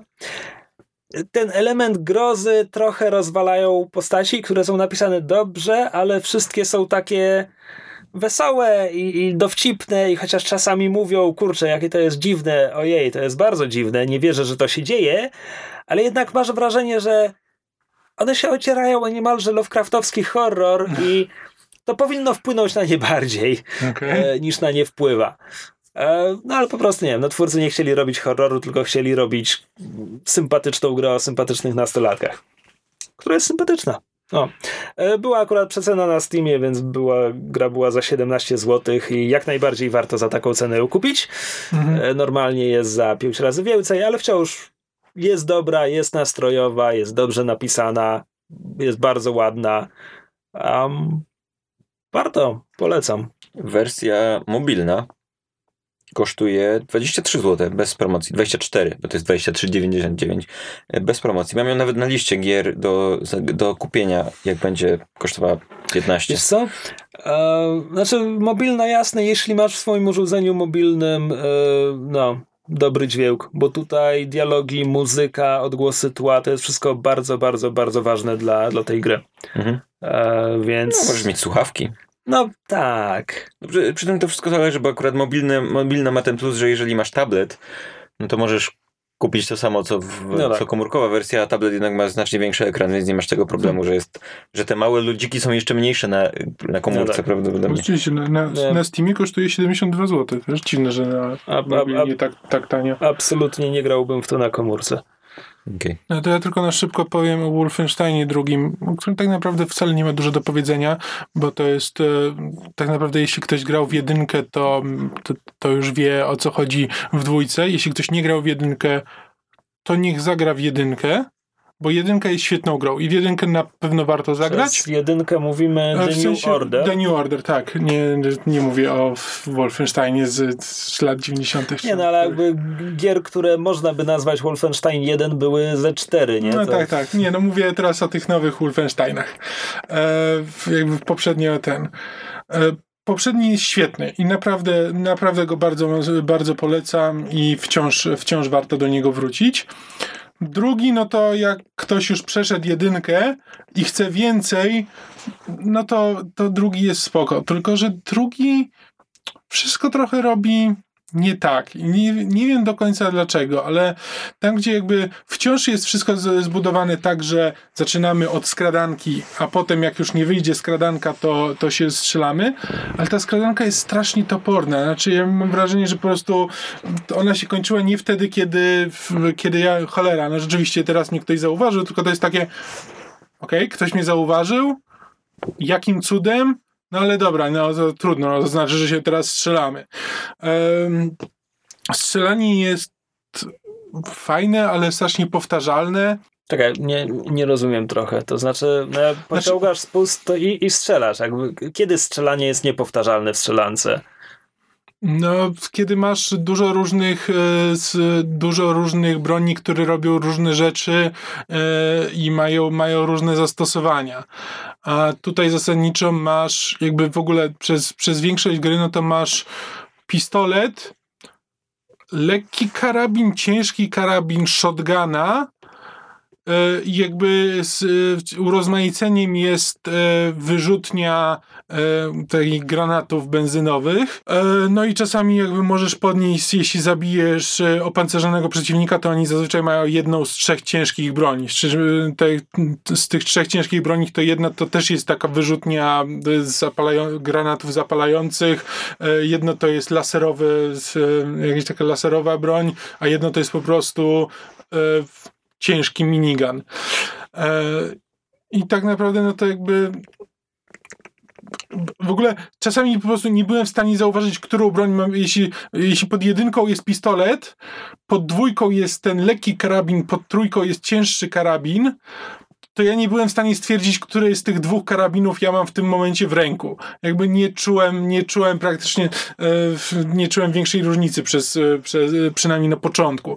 Potem się nauczyłem, bo ten, ale jakby na początku to w ogóle nie zauważałem, że okej, zmieniłem broń. Więc to, to na przykład to- jest, to jest dziwne. I a, a przy tym właśnie to, to jakby z, w pierwszym Wolfensteinie tego tak nie odczuwałem, no bo właśnie traktowałem to trochę jako skradankę, a potem dopiero dożynałem wszystkich w momencie, kiedy, kiedy coś, się, coś się zesrało. A tutaj masz strasznie dużo momentów, kiedy w ogóle nie możesz się skradać i to jest też tak mm, dosyć dziwnie zorganizowane, że to nie jest tak, że gra ci jakby od razu komunikuje, że tutaj no, nie ma możliwości skradania albo wszyscy są już w stanie alarmu, tylko zaczynasz się skradać i nagle podnosi się alarm i jakby i pojawia się taki efekt, jakby zawsze tam masz em, jak się skradasz, to masz na górze ekranu pokazane, gdzie są e, generałowie, których musisz pokonać, żeby, żeby oni nie wzywali posiłków, kiedy już się zacznie strzelanina. E, I tutaj to po prostu wygląda tak, że kiedy gra po prostu czasami decyduje, że że podnosi się alarm i dokładnie masz ten sam efekt, że nagle ci się u, uruchamia taki, te, takie kółeczko, które ci pokazuje, że tak jakby cię ktoś zauważył. Ale nikogo nie mam, bo po prostu gra zdecydowała, że w tym momencie e, nie możesz się skradać. Z- Ale wiesz, ale masz wrażenie, że ty coś zrobiłeś głupiego, a potem dopiero się orientujesz, że po prostu są takie momenty w tej grze. Czekaj, e, kto właściwie to zrobił? Wiem, że to wydaje Bethesda, ale Machine Games się nazywa. okej. A oni przed pierwszym Wolfenstein, znaczy przed poprzednim No. Wolfensteinem Nie pamiętam, rzeczy? prawdę mówiąc, co robili. E, To ja E. sprawdzę, a w międzyczasie chciałem zapytać, e, a jak fabuła? Bo słyszałem, że ten pierwszy miał zaskakująco dobrą. Tak, pierwszy miał zaskakująco dobrą, ponieważ miał taki specyficzny klimat, gdzie to było dosyć, dosyć poważne, znaczy wiesz, ten Blaskowic e, m, cały czas tam monologował do siebie i te monologi były dosyć poważne, takie patetyczne, ale ale trochę, ale, e, ale reszta świata była, e, była mocno e, przestylizowana. I to, I to tworzyło taki dziwny efekt, gdzie właściwie em, to nigdy nie była do końca komedia, nigdy nie był do końca dramat, ale cały czas balansowało na takiej granicy.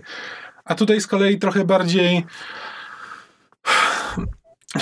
Znaczy, bardzo chcieli przebić to, co zrobili w pierwszym, e, w pierwszym e, Wolfensteinie. E, I masz po prostu momenty, które są tak po prostu już tak głupie i tak te, doprowadzają po prostu do skraju twoje zawieszenie niewiary jakiekolwiek. E, Blaskowicz wciąż do siebie monologuje, ale te monologi już są strasznie krypne, szczególnie, że przez połowę gry to on monologuje do e, zmarłej towarzyszki broni, a jeszcze ponieważ on wie na początku, że jest, em, że umiera, to e, w, że jest chory i że umrze, to, to te dialogi są zawsze takie, takie smutne i takie, takie patetyczne. Em, I Słyszałem, że jest dobra scena z Hitlerem. jest dobra scena z Hitlerem. Znaczy, gra jest podzielona na takie dwa bardzo charakterystyczne, znaczy widoczne etapy, bo na początku masz e, z, masz e, zdrowie i masz e, zbroję, tak jak w każdej, w, w każdej strzelance. I jakby na początku, w pierwszym etapie gry masz, ponieważ e, Blaskowicz podupada na zdrowiu i, i umiera, to ma tylko maksymalnie 50 życia.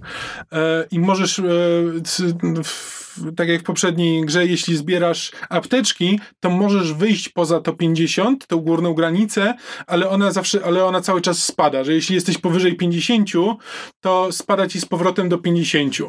Em, i, y, ale możesz mieć do 200 zbroi. Po czym wydarzenia w grze, bla, bla, bla, bla, bla, wszystko się zmienia i w, nast- w drugim etapie masz, możesz mieć już do 100 zdrowia, ale tylko do 100 zbroi. E, jakby przy pierwszy etap jest takim bardzo mocno e, gra cię tłamsi, znaczy gra tłamsi bohaterów. Właśnie Blaskowicz jest cały czas chodzi smutny, że, że on nie, on umrze, a jego żona, jego żona urodzi bliźniaki, które nigdy go nie poznają, e, a być może ta żona to w ogóle nigdy nie przeżyje i w ogóle wszyscy jesteśmy w beznadziejnym stanie, Niemcy wygrywają, ruch oporu nie ma szans i w ogóle o, e, biada nam biada. E, I właśnie w drugi etap przychodzi punkt zwrotny i, w, e, i ruch oporu zaczyna, zaczyna przechodzić do ofensywy. I właśnie i to jakby to ma uzasadnienie też w mechanice, że jakby na początku masz, jesteś osłabiony e, i bardzo łatwo cię zabić. W drugim, w drugim etapie dostajesz dodatkowe gadżety, bo dostajesz, możesz wybrać sobie jeden z trzech. e, z trzech takich bonusów mechanicznych, znaczy albo masz nogi na szczudłach i możesz w pewnym momencie po prostu e, w- wynieść się w górę i po prostu z, z wyższej pozycji atakować wrogów, albo możesz się e, zmniejszyć do, do, do, do rozmiarów takich blisko ziemi i wtedy możesz przechodzić, to ci ułatwia skradanie, bo możesz przechodzić pod bardzo niskimi, e, e, możesz na przykład tam pod samochodami wtedy przechodzić i się skradać w ten sposób, a tam trzeci to jest, e, że możesz e, w, to jest, to Blaskowicz dostaje nowe mechaniczne ciało. To jakby No nie... właśnie to było pierwsze, co mi się zasugerowało. E, I to jest, a czy to jest, że możesz taranować, po prostu biec bardzo szybko i taranować wszystko, wszystko po drodze i musisz wybrać jeden z tych trzech, e, z tych trzech. I w każdym razie to ci, to ci ułatwia grę i też dodatkowy bonus to, że od, w, wtedy w tym drugim etapie, jak ktoś cię zauważy podczas skradania, to gra zwalnia e, i możesz, e, i masz chwilę na to, żeby albo się schować, albo przycelować i, i, i go zdjąć, zanim zdąży podnieść alarm. I co, jak się schowasz, to on wtedy zapomina, że cię zauważył? Znaczy to jest, to, no to jest takie, że za, zanim zdąży, że jakby, że to wchodzisz w jego pole widzenia, ale zanim zdąży zarejestrować, że to jest, że to jest ktoś, to już się chowasz, Mru- no. To to jest gra, on mruczy pod nosem, to pewnie były szczury i idzie na no papierosa. tak, mniej więcej coś E, W takiego. międzyczasie rozwikłałem zagadkę studia Machine Games. Jest to e, szwedzkie studio założone przez, uważajcie, Jensa, Jerka, Fredrika, Kiela, Mikela, Magnusa oraz Jima.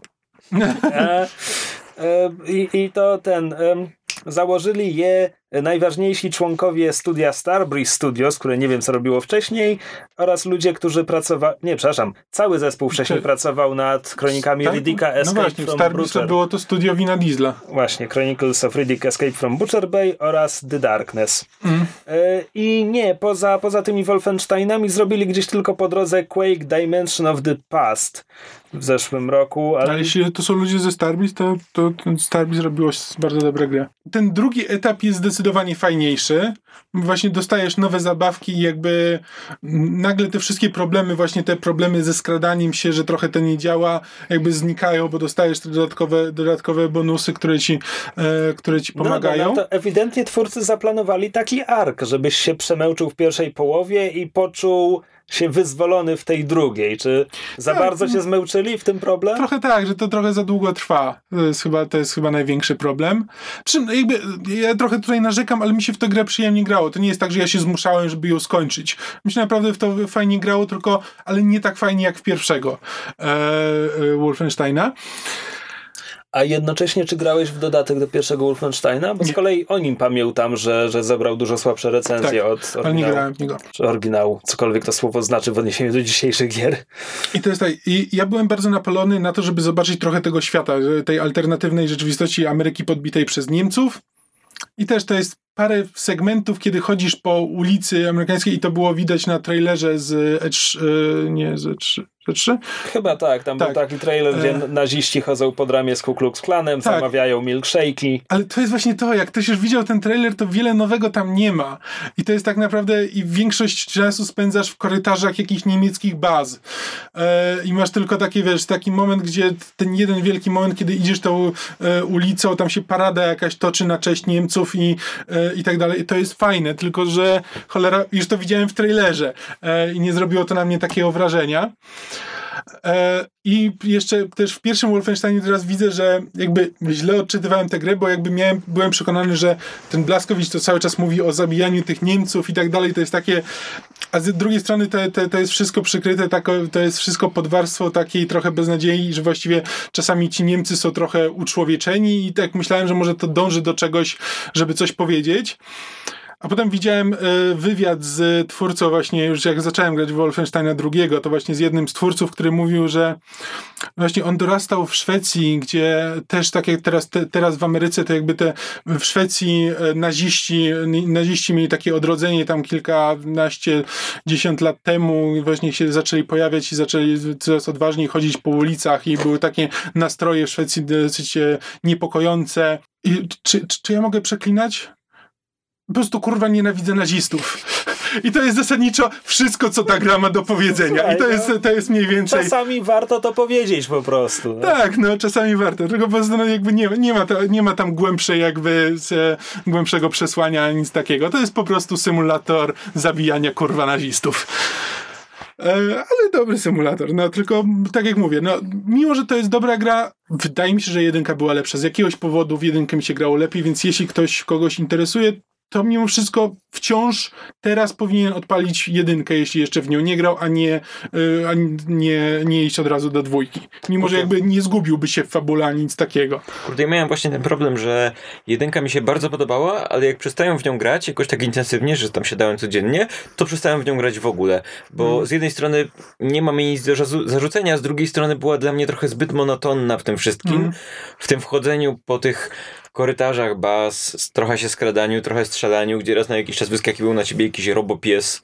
Mm. Mm, I w pewnym momencie jakby dotarło do mnie, że to jest fajne, ale nie czuję, że nie czuję, że to mi daje coś mm, dobrego.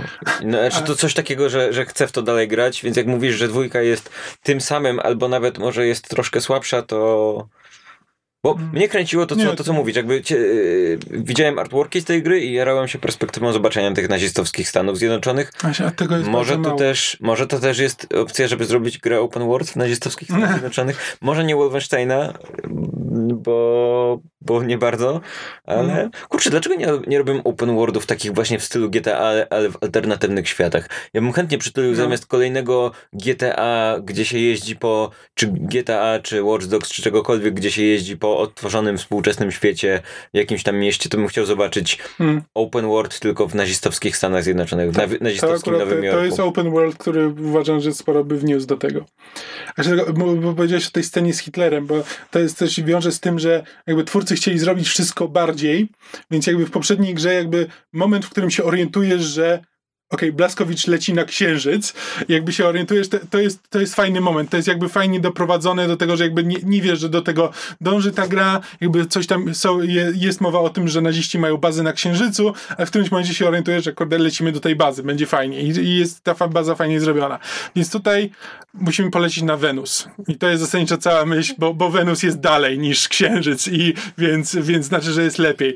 A jeszcze lecisz na Wenus, bo, bo Hitler chce nakręcić film o Blaskowiczu, jakby pokazać go jako potwora tego ten i jakby i pokazać tam e, jakiegoś bohaterskiego Niemca, który z nim walczy i tak dalej, więc ty jako Blaskowicz porywasz jakiegoś amerykańskiego aktora i podszywasz się pod niego, żeby e, wziąć udział w castingu na Blaskowicza. E, I tam jest, i tam właśnie Hitler jako reżyser prowadzi casting, jakby ty jesteś jednym tam z czterech, z czterech aktorów. To jest kompletnie porąbane, ale fajny pomysł, fajnie zrealizowany, jakby nie wiem kto gra Hitlera, ale robi to kompletnie e, w, kompletnie od czapy. To jest po prostu e, Hitler, Hitler po prostu on jest starym człowiekiem, któremu jest wszystko jedno. Znaczy on się zeżyga na dywan i potem będzie mówił dalej.